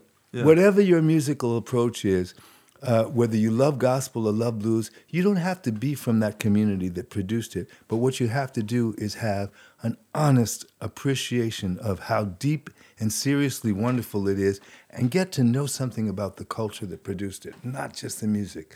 So, what irritates me, speaking to, to what irritates me, I get irritated when people get too hung up on the theatrical side of the blues. You know, what kind of microphone little Walter used. Man, do you know where little Walter came from? Do you know what his life was like? Do you know what his parents' life was like? Do you know where he came from? Do you know what produced that kind of guy, you know, the mm. situation? I want people to know something about the people who created this music, not just the records, you know. Yeah. Yeah. Uh, it's it's very what, deep. what tube amp or whatever. Yeah, yeah, you know, like- come on, man. We, I get it. You can be as nerdy as, but these are real people. These are not cartoon Yeah. characters, you know. But to some some uh, blues nerds, it's really the opposite. Yeah, believe it me. is, and bless them all because they are still uh, sharing something uh, that the world needs to to know about. So. Yeah, but I of think it's course. a it's a thi- I think it's a great answer because it's the music. Uh, I mean, you have to know, you have to dig into the story if you're really interested and really love Yeah. stuff. But also a lot of those, a lot of the really serious blues blues players uh, is you know know the history as well. Yes. I, would say, but uh, Yes, I would probably slap somebody in the face if they call themselves blue, blues musicians, but they don't they don't know the stories. uh, Yes. Or they vote on Sverigedemokraterna and you know. there you go. That's what sit- I'm talking you know, about. yeah. This is what I'm saying. You Sit can home. appreciate the music, but not appreciate the people, and that doesn't work for me. No, you know what I mean. it's kind of strange. I don't work for me at all. Yeah, it's like, you know? you know, it's like, jag älskar, Yeah. yeah. nu vet jag Yeah, Göteborg, but jag no, älskar but- Robert Johnson, men Yeah. Det I don't han- want his nephew marrying my daughter. You know, Yeah, yeah. you know. No, it's it's a very serious issue, and you, you come to it often in in the American context because um, America has this way of um, taking what it wants and popularizing it and making money on it, and forgetting the human sacrifice involved in in, in bringing it forth. So um, I always stress that. I think it's very important that if you're going to love this music, I hope you are learning something about the people uh, who, who who made it and, and their experience, and not just taking the the great tunes and running. Yeah, you know, yeah. So talking about, I mean, the, where this music comes from originally and stuff. You you made a, a record in West Africa, Mm. and uh, so tell us a little more about that. Okay.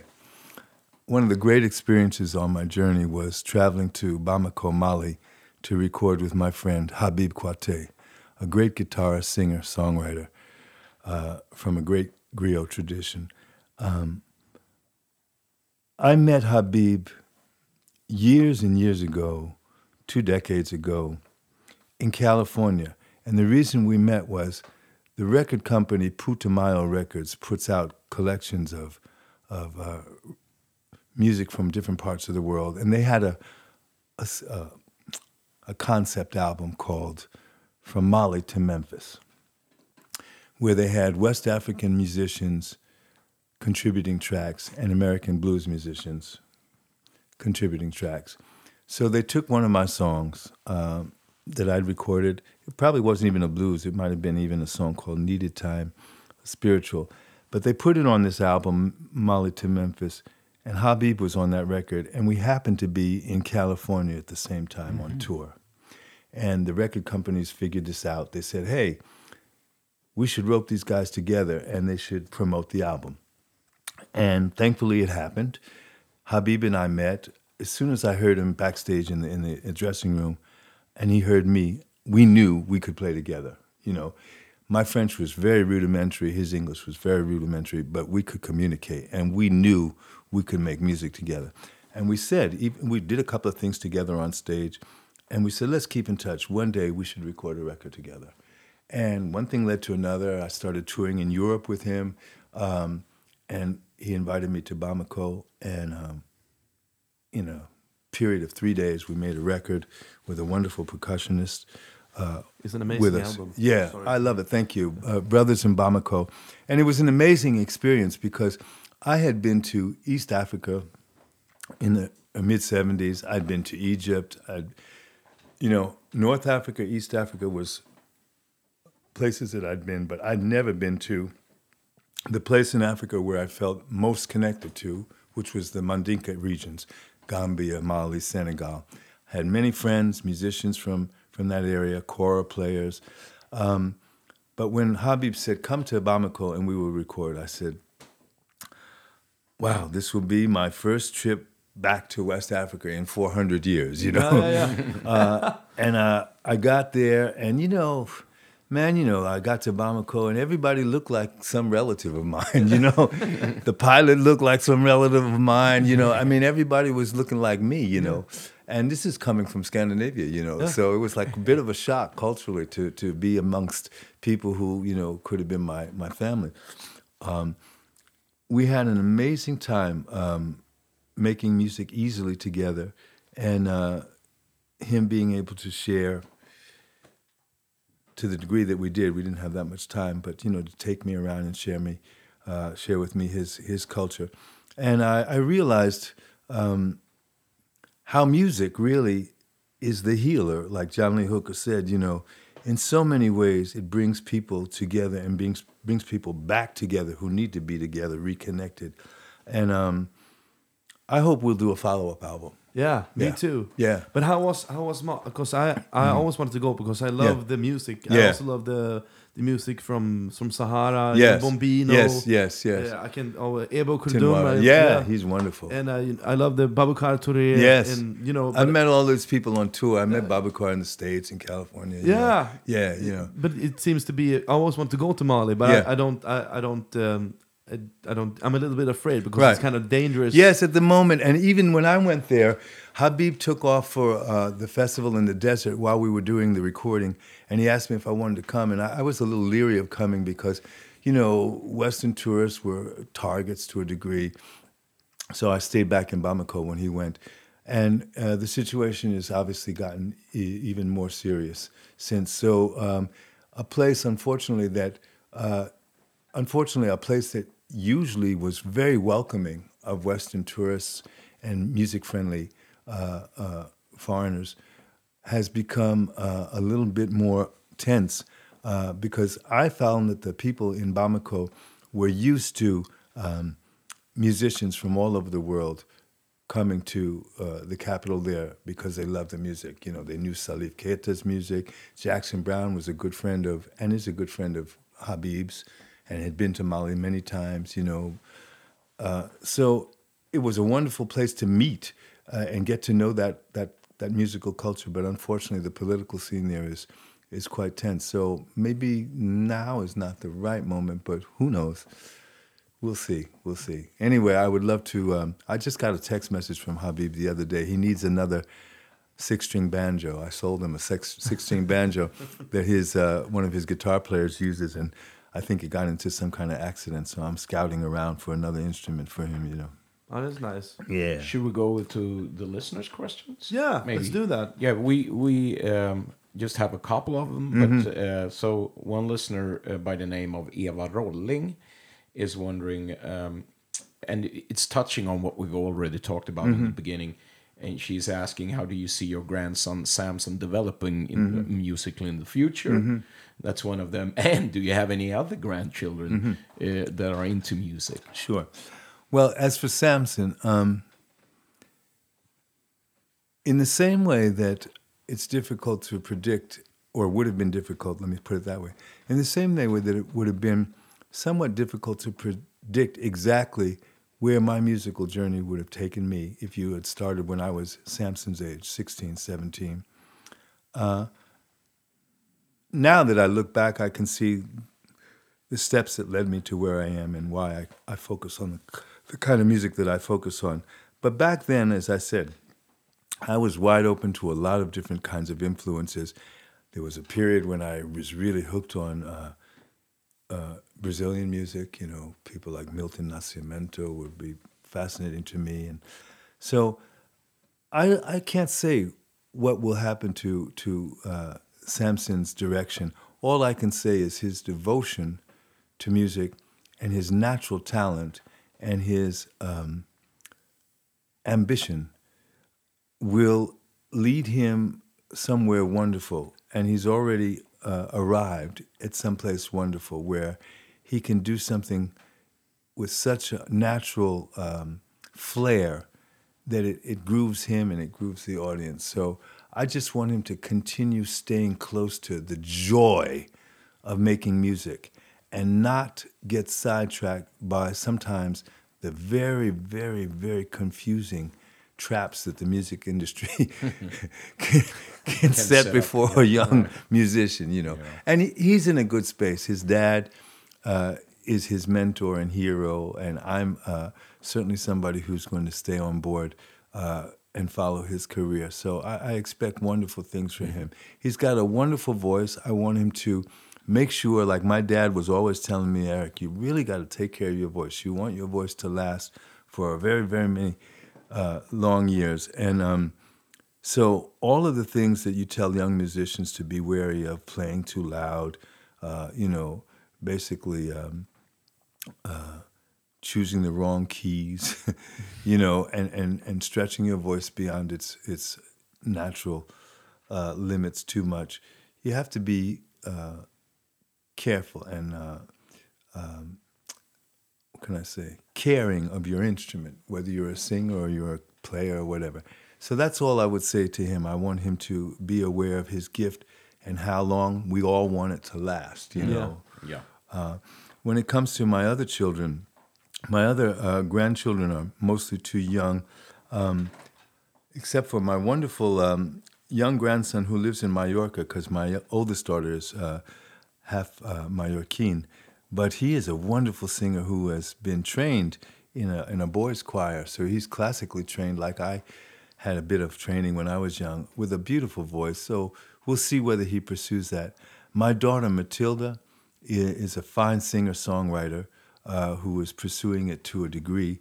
Um, these days, people uh, are able to do things uh, on their own terms. You know, you can release records without record companies getting involved. You don't necessarily have to make a commitment and sell your soul to a company. um, my my middle daughter Yana is a fine fine singer uh, who I've toured with in England, but who is at the moment getting her master's degree in musical education in Switzerland in the German language, which is amazing to me that she just decided I'm going to learn German and get my master's here in Zurich. I said, okay, you know, great. And uh, she's a choir director, uh, very talented. Um, all of my children are musical. Uh, my youngest son is a, football fanatic, a soccer player, um, but he's got a lovely voice. Uh, and I just got a call. He needs me to um, send him the notes for. Uh, I think Mary had a little lamb because he's got a, a recorder, a blockflöte lesson, you know. yeah. So uh, yeah, music is going to be uh, surrounding us all for for you know ages to come, and my family is um, uh, one of those families that um, has been able to stay connected uh, in many ways because of the music. You Yeah. know, yeah, Must be That's very wonderful. beau- Yeah. beautiful. yeah. Uh, also, I'm gonna take the next uh, listener question, and I'm gonna read it from the paper so I get it correctly. Okay. Jimmy Christensen, Jimmy Christensen is wondering what's the difference being a blues musician in Sweden versus New York, hmm Good, good question. and also, um, uh, are you still well known in the in the states? Okay, I'll answer the first question uh, second, meaning I'll answer the second question first. um, I've had a chance to, for the last 20 something years, tour the world. And I had a big breakthrough. You know, I was here in Sweden for many years without being well known outside of Sweden, just trying to make it on the local scene. Um, playing in clubs uh, in Gamla Stan when I was first here. Uh, ended up uh, with a kind of um, uh, residency at a club called Little Maria Oh, on Maria Torget. Mariatorget, yeah. You know, All her back in the south part of Stockholm for, for, for five years, I think I played there on Wednesday nights, which was tough, but really a, a wonderful dues paying experience that helped me. Um, and then uh, I got signed to uh, a major company, BMG, to write songs, and they sent me to New York to collaborate with some songwriters. And I wrote some songs with a New York writer named Wayne Cohen, who said, Hey man, I heard there's this guy, Mike Vernon. He's a British blues producer who's starting a new blues label. Should we send some of our songs to him? And we did, and I got a response, and he said, We like what we're hearing. We'd like to invite you to the London Blues Festival, 1996. Uh, they came, he and his partner Alan Robinson came to Sweden to hear me live on stage. Um, I had a gig somewhere down near Skeppsbrunn. They liked what they heard. Um, the next thing I knew, I was on a plane with my, my pal, Göran Wennerbrandt, who plays slide guitar. We arrived in London. We were picked up at Heathrow, and the driver said, uh, "Do you mind if uh, I turn on the radio?" And I said, "No, no." We were tired, but I said, "No, no, turn on." And the first thing we heard, he clicked on the radio, and the first thing we heard was ourselves. and I just mean me and Joran playing a song off the record that we'd recorded for Opus 3 Records. And Paul Jones from Manfred Mann, uh, and, uh, who had a blues show, was playing that song in my father's house. Really? At the very moment that he turned on the radio in the car, we heard ourselves. And Keb Mo was in the hallway waiting to come on after the, the Paul played this song. Keb leaped up and went into the control room and said, Who was that? You know? and then I met Keb the next day at the festival. He was there, Magic Slim was there, Corey Harris was there. Um, it was a great festival, and Göran and I were a success. And the next day, one of the festival organizers said, Do you have a manager? I said, No. He said, Do you want one? I said, Yeah. And, uh, and the next thing I knew, uh, I moved to England and was touring England. And then I was touring the States, and I was touring Australia, and I was touring Europe. And it all started on the back of that experience, you know. Wow. yeah, great. it was heavy, man. Yeah. It was like I said to Göran, I said, I think this is going to work out, man. you know, you know. It must be a, must be such a. I mean, I mean, I dream. I'm still. I'm. I'm turning 30 years today. I've been playing for. Is your birthday today? No, no, no, not Oh, today. okay. Not today. Uh, this year. December. Yeah, Okay, okay, December. okay. Uh, but uh, you know, I still have this dream. I've been, you know, all all of us three been working really, really hard Mm, uh, for a very. For me, it seems it's only ten years. Yeah, but but it's- that's a long time for a it's long time. 30-year-old. You know, I've been Yeah. working. We've been working hard. We've been playing records, Mm. touring as much as we can, and it you know sometimes it, it's it's a real struggle too because you have to work at the same time Mm. Yes. as a day job. Yes, and then you done- tour. You been tour, there, you done tour. that, yeah. Mm. and you sacrifice so much. You know, you you you have your girlfriends at home, or you know, I haven't. Sometimes you haven't seen your mother for a very long time. Yeah. and then and you know, and you're fighting for it so hard, and you wonder when should you know when should it happen? Yeah. You know when when can I? Why why should it be so hard just to live on this stuff? Yeah. Why can't it just be Yeah. simple? Yeah. You know, being a doctor or Yeah, a, yeah. you know dentist or whatever. Yeah. So I mean, it must be such a relief when that comes because when that happens, I mean, 1996. Yes, we're talking, yeah. You've been touring for all over 20 years. Yeah. You've been struggling, Yeah, playing, yeah. teaching. Yeah, I mean, that must yeah. be such a relief for It you. is. And when the pandemic hit and I stopped touring suddenly mm. in the middle of a tour, bang, over, finito. Canceled gigs that have been postponed since then three and four times, you know, gigging, tour in Hawaii, Australia, all these things had just stopped dead in the water. First of all, I realized I needed the rest.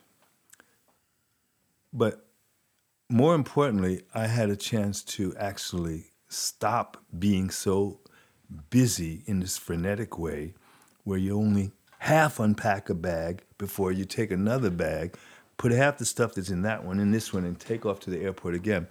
I realized really what a lifestyle it really is.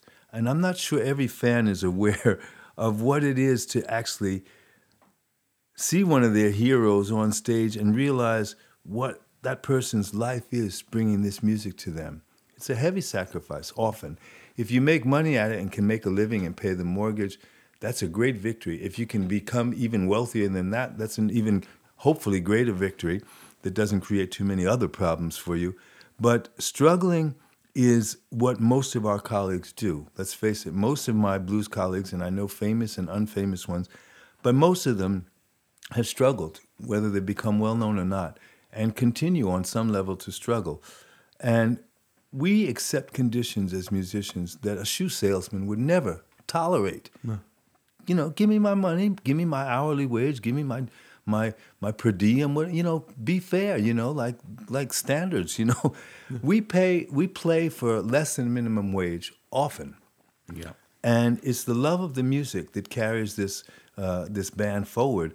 And um, I'm really hopeful that people of Samson's generation are going to be helping to create a new system um, where musicians are not exploited, particularly roots musicians, uh, are not so easily exploited. And we are easily exploited because our passion for the music is often greater than somebody who is an overnight pop star. We're dedicated, and the opportunity to play for an audience and get any kind of recompensation uh, compensation is is attractive to us. Even though we've done the math and we realize we're underpaid, we're still going to get up there, travel to that festival, uh, because this is what we love to do, and this is what certain people in the business take advantage of. And I'm hoping that this is something that Samson's generation will be more aware of, and from the beginning, don't let too much time go by with that old thing in place because it's hard to reverse it. Once you you know once you've signed on for a certain gauge Yeah. a certain fee it's hard to get it back up there you know?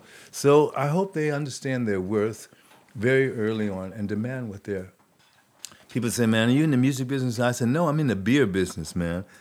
You know i sell beer you know? And really we are pawns in the game often.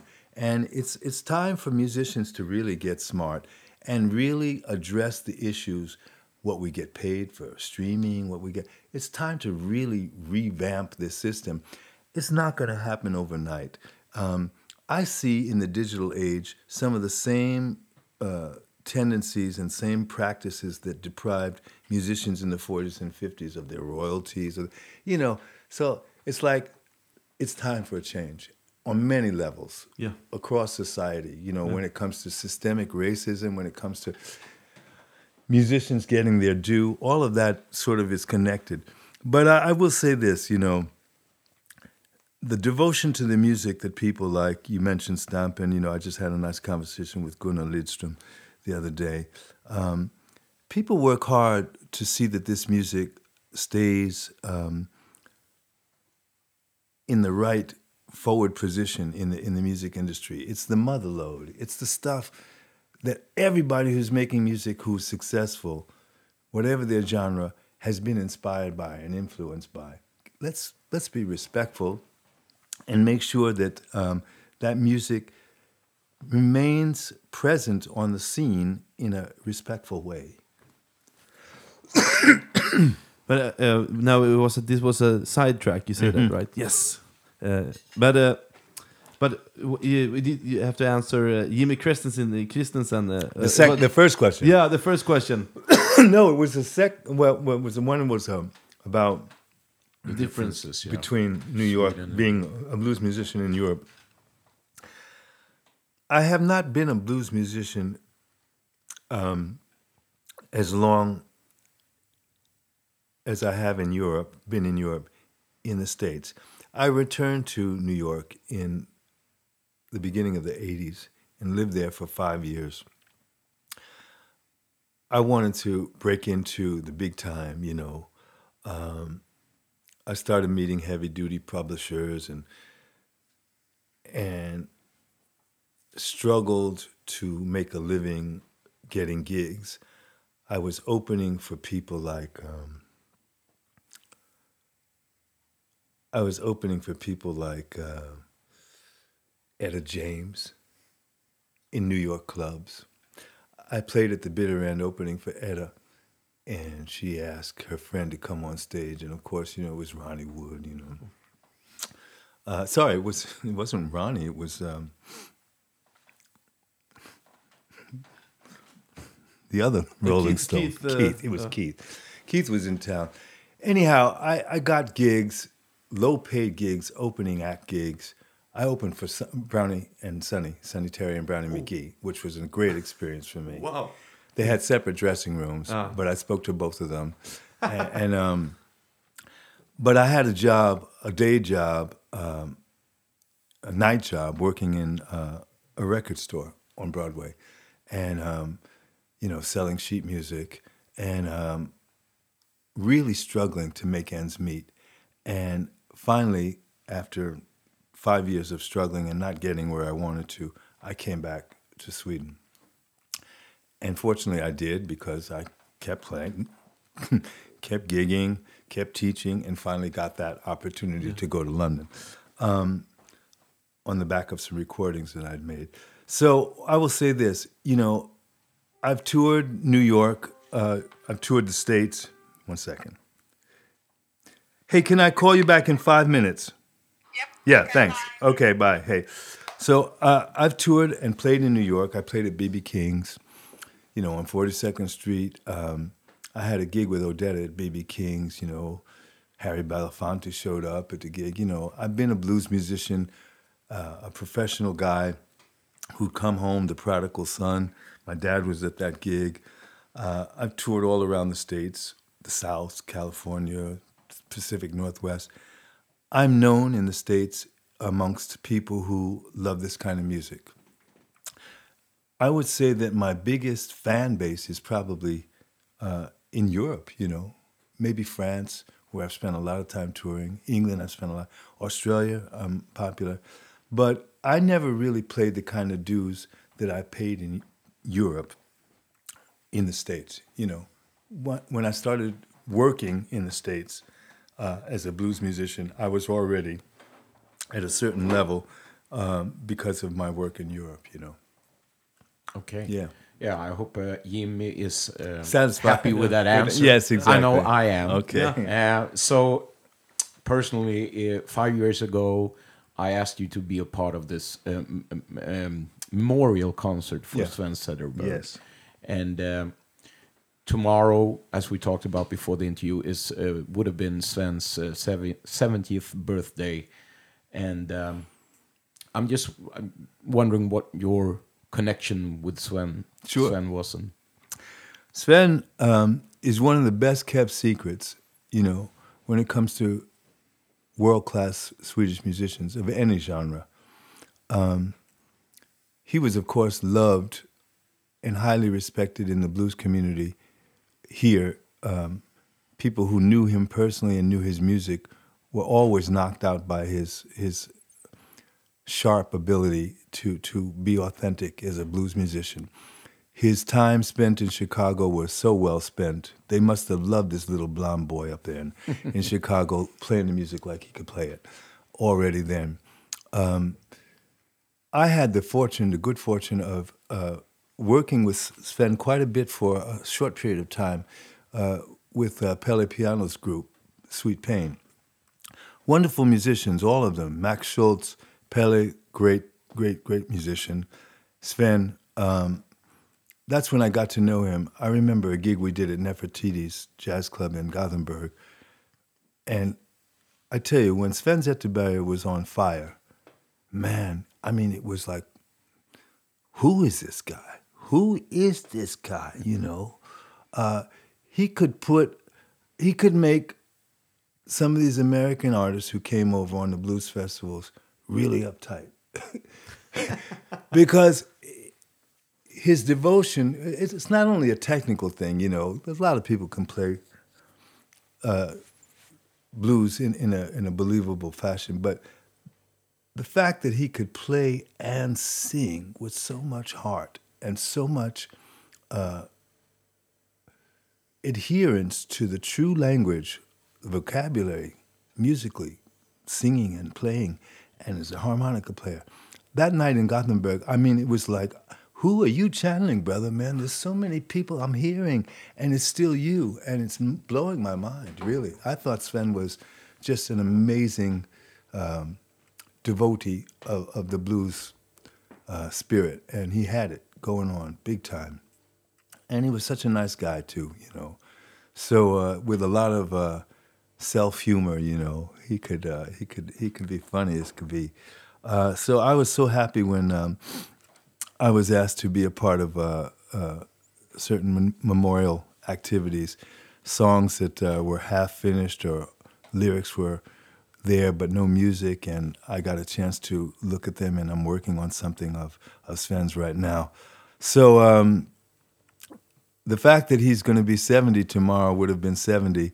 I'm 70 years old. I'm glad I'm still here. I'm glad I got a chance to meet Sven Zetterberg, a real great musician and a really wonderful guy. Yeah, that's beautiful. Yeah. I mean, uh, did you record anything with Sven with this Sweet Pain yeah, project? Yeah, yeah. Um, you have to ask Pelle about it. I think I might have seen something on one of the streaming platforms.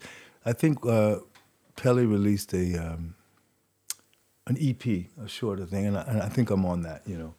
Uh, but we used to gig, you know, uh, me and, and, and Pelle and Sven and Max, Max was there on the kids. Who played bass? No, Max played guitar. Yeah, but who who, uh, who um, did play bass? Oh, I forget who was that. Um, my memories, and I forget Would have been Tommy Casimir, no? It might have been. It might have been. I'm thinking, who else could it have been? We had a couple of people joining us for different things. Even Magnus Lindgren played sax on, on some gigs. Um, yeah, I forget exactly who, who played bass with us. Yeah. My my um, chronology memory and memory of names is not great these days, but um, but I will hey. certainly check out uh, yeah, yeah, Pelle yeah, Piano's yeah, a, yeah. web page, and maybe you can yes, find yes, yes. stuff there. Sweet Pain. I wonder if they're on uh, if they're on Spotify. Um, and there was stuff I got to tell you. We did stuff that that has not been released that uh, someday may see the light of day. Um, yeah. I used to go to Pelle's house. He he would record at home. A very very talented cat, man. yeah, but it's a shame he doesn't play. Anymore. Yeah, you know what? It's like what you don't play, you just it's, take it's, photos. What? I think it's so funny. Uh, you know, I'm since I I'm I'm a little bit too young to to to uh, met Pelle. I never met Pelle. I've only heard that he's one of those genius he people. Is. Yeah, playing piano when he. he Not was, only piano, man. He could he could simulate and I mean he could play amazing guitar on a keyboard. But he could also play real guitar. But he could play amazing guitar on with samples. He was just too much, man.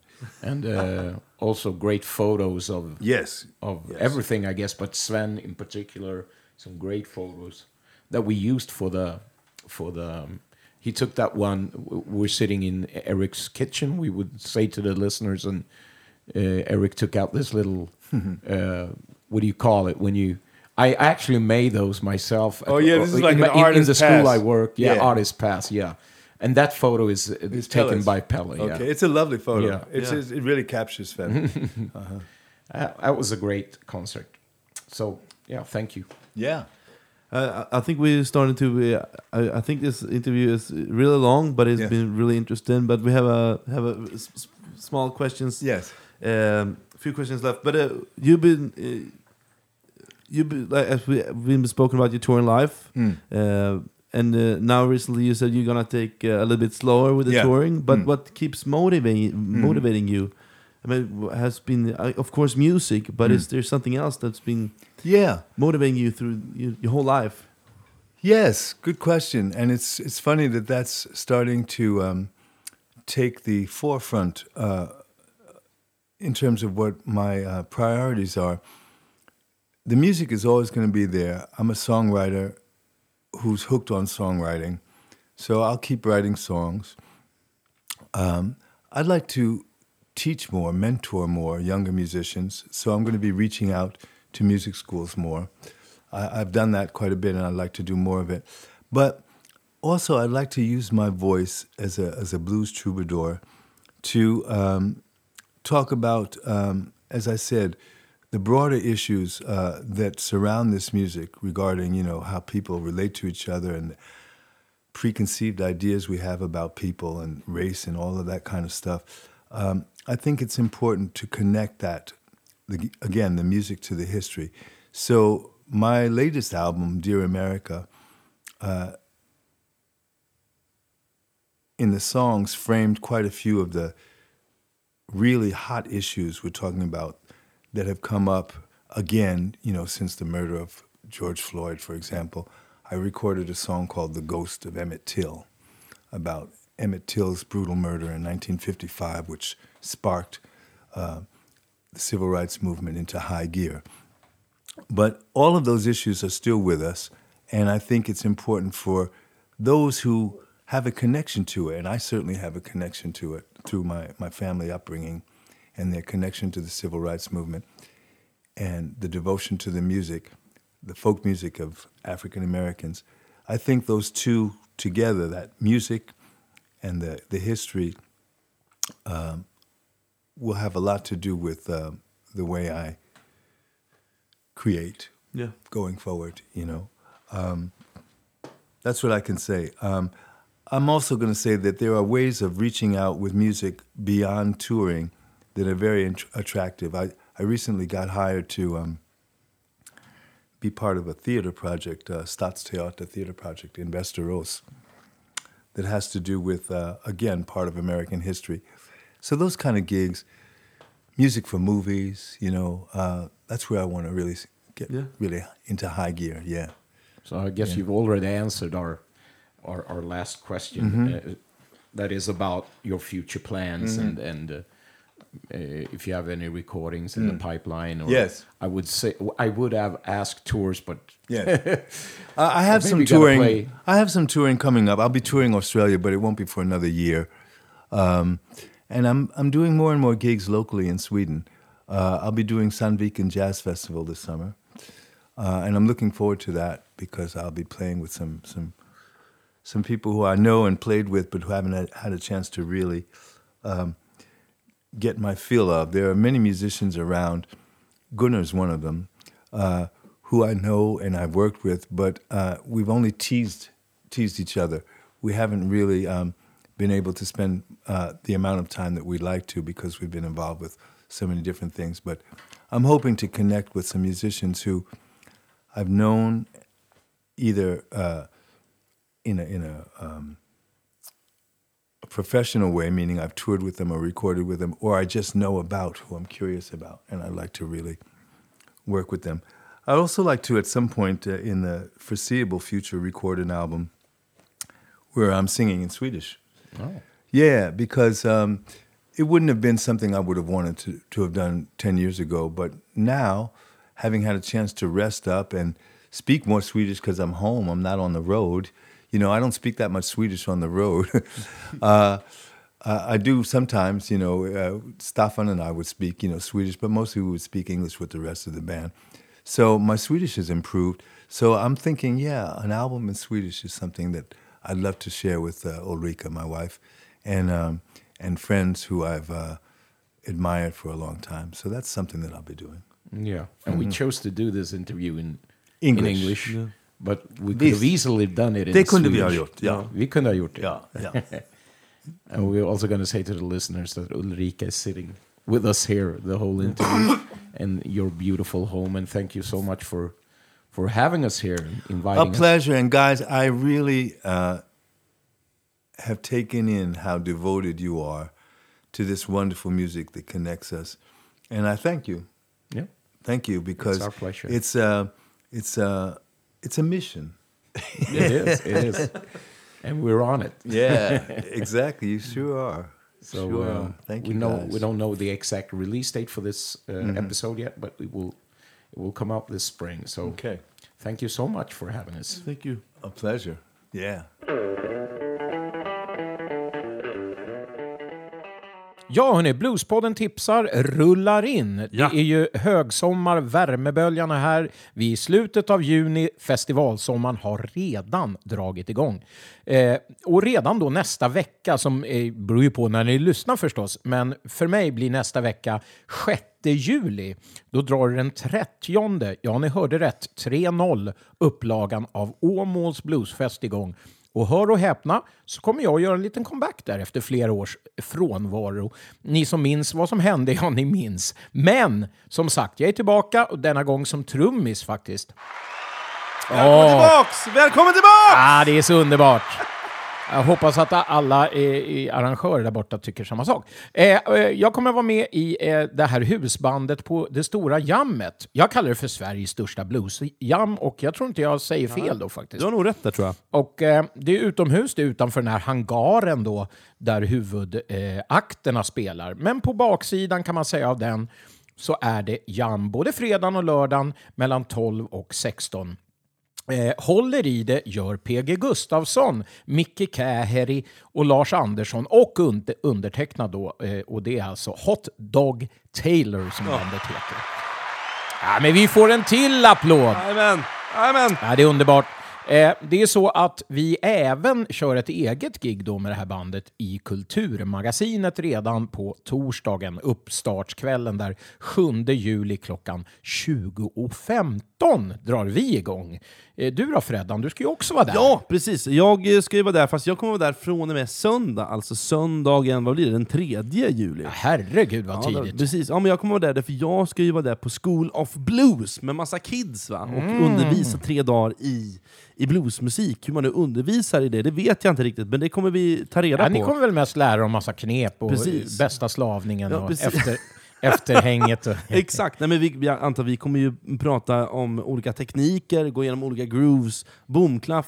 Jag har ju skrivit den stora jamglosboken. mycket bra. Kanske, kanske även våra jammare på Du Stampen kan, borde du, kan ta ha, reda på. du kan ha glömt någonting som jag kan få putta in. Ja, Vem men vet? kanske. Vi får gå igenom det här sen. Tycker Ja, jag. det tycker jag. Mm. Men så jag kommer vara där, och sen så kommer jag vara där hela veckan. Så läget är från söndag till onsdag, och sen så är jag ledig i två dagar, hör och häpna. Mhm. Så då tänkte jag väl bara gå runt och kolla på dig. Ja. Eh, jag tänkte gå på något jam, och sen så på lördagen då gör jag eh, faktiskt ett stort gig med Puritanerna, för då spelar vi i kyrkan. Mm. Och när du säger kyrkan, är det det där som jag... ja, kultur- Det är Kulturmagasinet Ja, du precis. menar då? Ja. Så då spelar vi, och eh, vi har en helt ny repertoar som vi kommer faktiskt eh, leverera. Inte alla, alla, inte alla låtar är nya, men nästan alla. Ja. Och det är nästan bara blues. Den blues som du tänker är blues. ja, just det. Just det. Så det, det kommer bli ballt. Får du komma för dit, dit Ja, om du pallar. ja, ja, alltså det, Nej, det. det. Här, nu håller vi på att dividera om det här, för att jag kommer då sitta upp eh, bunden på ett jam då mellan 12 och 16. Du kommer nog spela under den Ja, tiden. precis. Men vi har ju lovat varandra att du ska komma förbi jammet på fredagen. Ja, det ska jag göra. Och ta med dig några av dina nybakta elever. Precis. Och låta dem få känna på hetluften. Precis, om de stannar kvar. Men jag vet att det är några som stannar kvar. Edvin kommer ju vara där till exempel. Han går ju lägret också. Oj Även om, man inte, även om man inte riktigt behöver det så är han Nej, han känns ju väldigt överkvalificerad. Men man blir aldrig fullärd. Nej, det är han helt rätt i.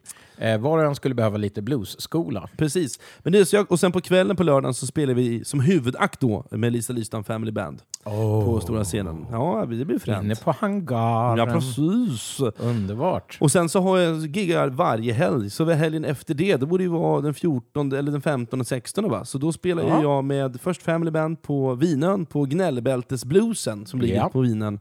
Eh, och sen på den 16 då, när du är i Kristinehamn, Mm. då så spelar jag på Stampes Bluesjam, så får vi se om det kommer några.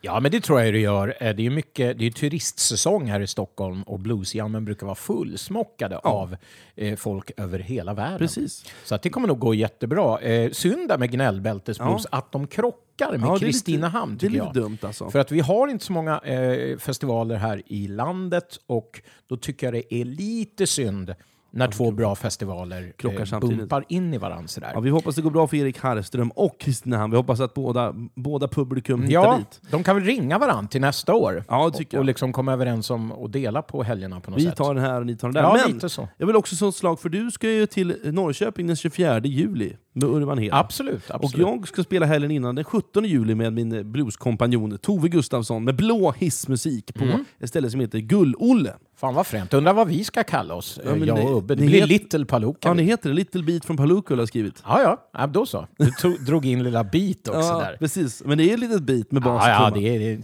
det Så- en, blir fina bitar. Och jag vet ju att det finns många faktiskt i Norrköping som lyssnar på den här podden. Så att jag tycker de ska absolut ta sig ner till ölstugan Gull-Olle och eh, ta sig ett järn och lyssna på både lå- blå hissmusik och Little Beat från Palooka. Ja, men det ska de göra. Ja, ja. Fan vad trevligt allt ska bli, hörni. Ja. Eh, sommaren är igång. Eh, det vi håller på att klämta bort här i bastun. Men innan vi ska lämna er så måste jag också tipsa om det där då, som vi har tjatat om, Kristinehamn.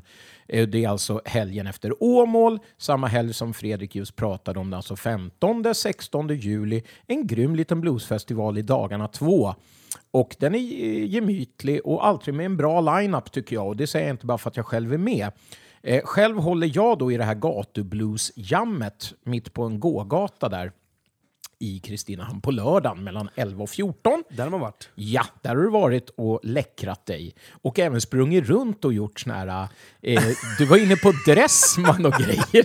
Och gjorde såna här mannen på gatan-intervjuer. det, gjorde var, du. det var när vi var en ung och ambitiös podd. Avsnitt 10, Keep it simple. Ja, fy fan, den måste ni gå tillbaka Ja, och lyssna på. den är När- faktiskt jävligt När rolig. Fredrik har feeling på bakfyllan och springer runt på ett... Ja, jag vet inte, folk är helt i chock när du springer fram Ja, med säga? mikrofonen och undrar eh, hur de har det i Kristinehamn. Exakt, man gör, man gör lite som ett nedslag, en nedslagsintervju i stan. Man Ja. känner pulsen. Ja, absolut. Ja, vi- Jag saknar den tiden. Ja, Jag minns det som ett succéreportage. Ja, jag kommer också ihåg det. Eh, Nästan så jag måste gå tillbaka och lyssna själv. Men det, vi, vi måste väl också eh, säga då till festivaler att vi kommer jättegärna och gör intervjuer. och Ja, inslag. jag vet inte om de har kommit av sig lite grann, precis som alla andra, och, i och med coviden. Men eh, nu finns vi ju tillgängliga igen. Och vi kanske, vi kanske måste också höra av oss. Absolut. Ja. Absolut. Men vi, vi står till ett förfogande. Vi kommer gärna och gör så kallade eh, fältreportage.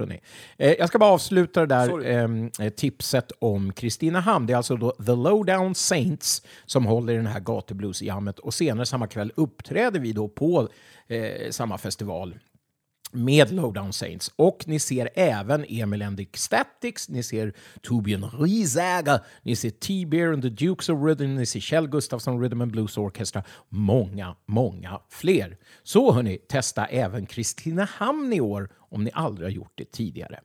Ja, är vi klara med Bluespodden tipsar? Jag eller? tror det. Jag tror du något mer? Ja, ja, men det, så vi, ska ju, vi kanske har ett avsnitt i juli. Jag tycker vi avslöjar ingenting, för vi vet inte om det är klart än. Nej. Utan vi, vi säger så här, Se det här som vårt so- stora sommaravsnitt. avsnitt. Och om ni får någonting i juli, då blir det bara plus. Absolut. Men då blir det ingen Bluespodden tipsar och sådär. Utan Nej, då, nej. Så jag vill ändå säga att i augusti, slutet på augusti, alltså den eh, 25 och den, eh, säga, den 26 och den 27 augusti så finns det Hygge i parken. Och Mhm. det är inte en renodlad bluesfestival, men jag ska spela där både med Puritanerna och med Lisa Lystam Family Band. Och det kommer bli en succé tror jag. Det är ölälskaren Robert Andersson som har en av Sveriges största ölpoddar. Oj. Jag kommer inte vad fan vad Men var ligger Hygge i parken? Ja, I Gemmelsta utanför Växjö. Växjö? Jaha, det är Kom där dit nere. för i helvete. Ja, ja, ja, ja. Och eh, skaka rumpa. Säger man Småland då? Ja, Småland. Ja, det gör man. Ja, man säger Småland. Det ligger nära Vetlanda. Va, Jag vet inte varför jag skrattar åt det. Förlåt Vetlanda, jag har ju varit hos er många gånger och haft mycket trevligt. Ja. med olika band. Så att, eh, inget, inget skratt Men det är åt er. så? Jag skrattar åt dig och dina dialekter. Ja, jag tror nog att det är så. Du gör det väldigt bra. Ja. Eh, nej men hörru, då ska vi väl över till något helt annat. Jajamän! Mm-hmm.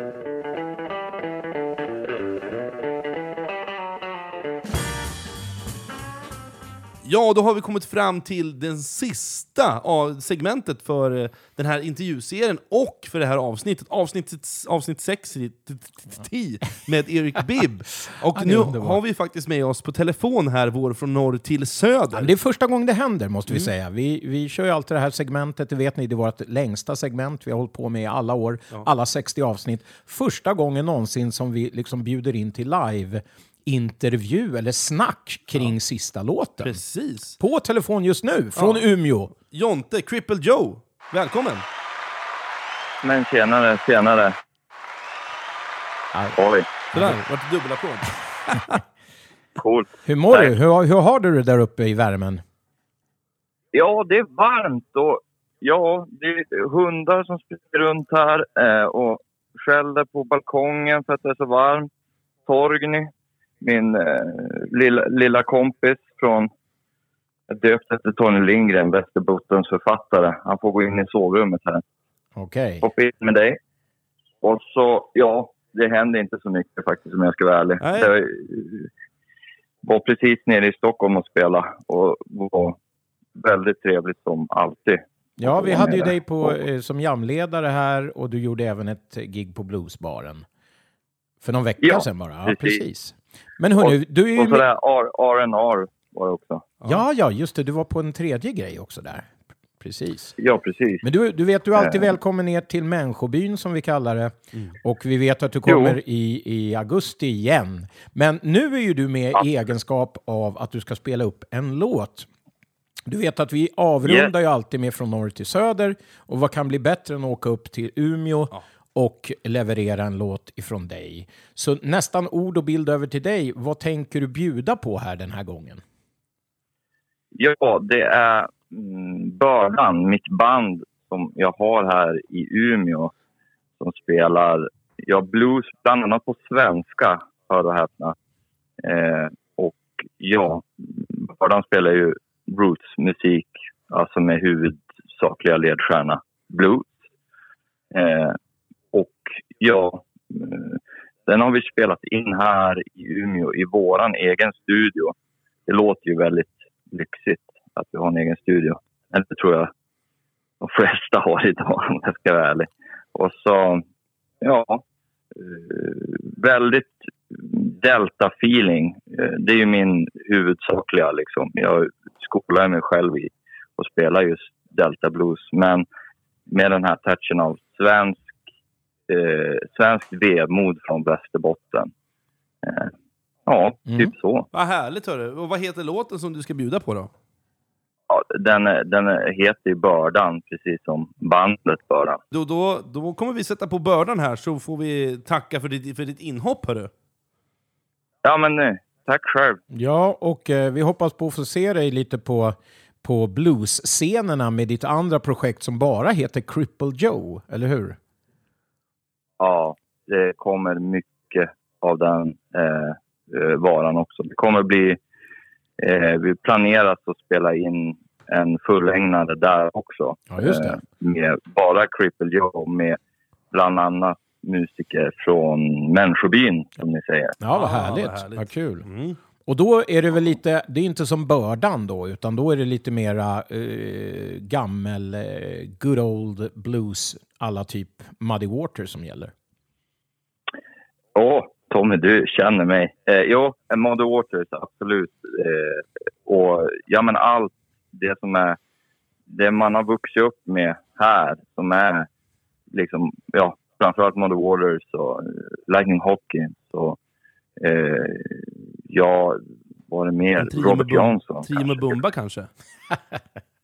Kanske, kanske till och med. Nej, eh, mycket, mycket, mycket Delta. Ja. Eh, eh, och ja, eh, vi ska försöka också nu när vi spelar live. Vi har ju märkt det att folk gillar att bugga va. Mm.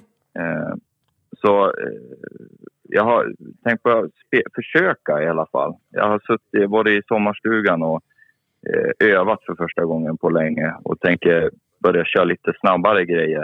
Eh, alltså Chuck Berry och Mm. eh, Ed Cochrane eller hur man säger det. Ja. Och sådana grejer också. Det är klart du ska Eh. rock, rocka lite också. Ja.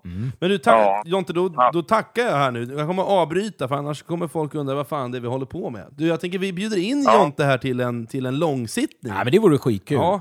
Så, fort du har fått eh, Cripple Ja, ja. Joe på fötter och ger ut någonting så är du välkommen ner igen och vara med live i en direct, så att säga. Precis. Ja, coolt. Tack. Tack Jonte, ta hand om dig. Glad sommar! Ja, ha det bra gubben! Detsamma. Tjena! Hej. Ha det. Ja men sådär. Ja, men Ja. Det var ju trevligt att prata lite med Ja, men det honom. var ju bara en, det där var liksom eh, en spontan grej av Ja, oss. precis. För vi skulle ringa och kolla om han hade skickat låten till Ja, oss bara. precis. Men eh, det var ju kul att vi fick med henne med lite Ja, inspelning. men Så- vad, ska vi dechiffrera det han sa så är det alltså eh, låten som ni kanske börjar höra rulla från och med nu i bakgrunden. ja, vi, Den heter Bördan. Bördan, ja, och precis. gruppen heter samma sak, Ja, Bördan. Bördan.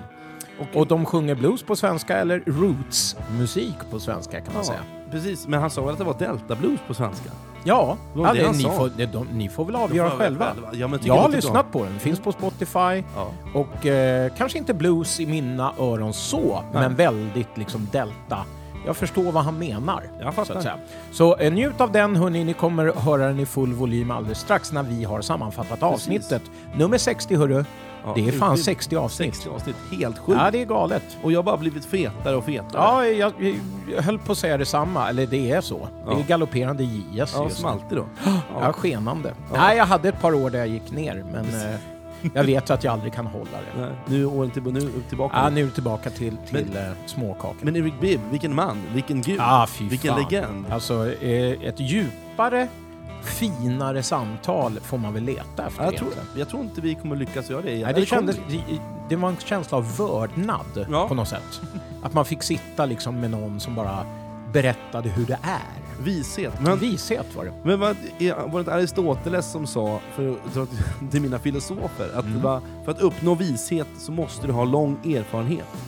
Absolut. Och han eh, har ju det har han. han har lång erfarenhet. Och det roliga var då, eh, som vi kan berätta off record så att säga, det var att efter intervjun så hade vi lite nice häng Mm. i, i hans musikrum som bestod av väldigt mycket instrument. Ja, mycket. Väldigt fina foton eh, på väggarna när han träffade Nelson Mandela och det var alltså grymma foton med hans pappa som var stor stjärna på sitt, sin tid som ni, kommer, som ni har fått höra. Och eh, eh, där du då fick eh, upp eh, chansen att lira och jamma med Erik Bibb. Precis, en dream come true var det. Jag, fick, jag skrev ju innan till dem och frågade om jag fick ta med mig ett instrument och bara spela med dem. Ja. Och då sa de of course. Ja. Så då var det bara, körde vi bara. Och det var som, som du var inne på, nu snor jag din line här, men det var ju på liv och död så att Ja. säga. Det var inte en tvekan, bara för att det var lite publik, det sket han i. Han körde Han körde. som om det vore för blotta livet. Ja, det där var som, försökte- vi var på konsert, Ja, fast det var du och jag och typ Jocke och Jocke Ulrika. ja, Ja, i och- samma rum. Och jag spelar för glatta livet. Ja.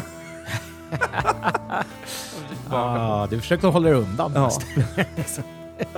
ja, vi kanske får skicka upp det på, på Instagram. Ja, det finns ju faktiskt i levande format.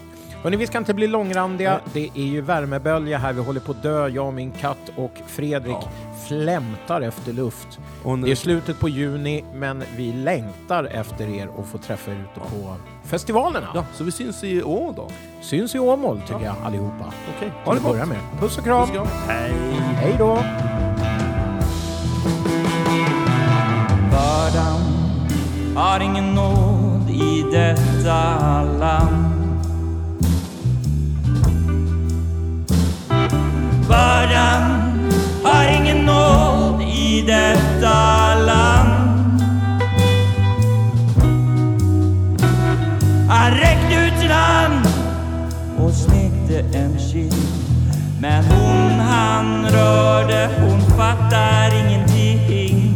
Bördan har ingen nåd i detta land.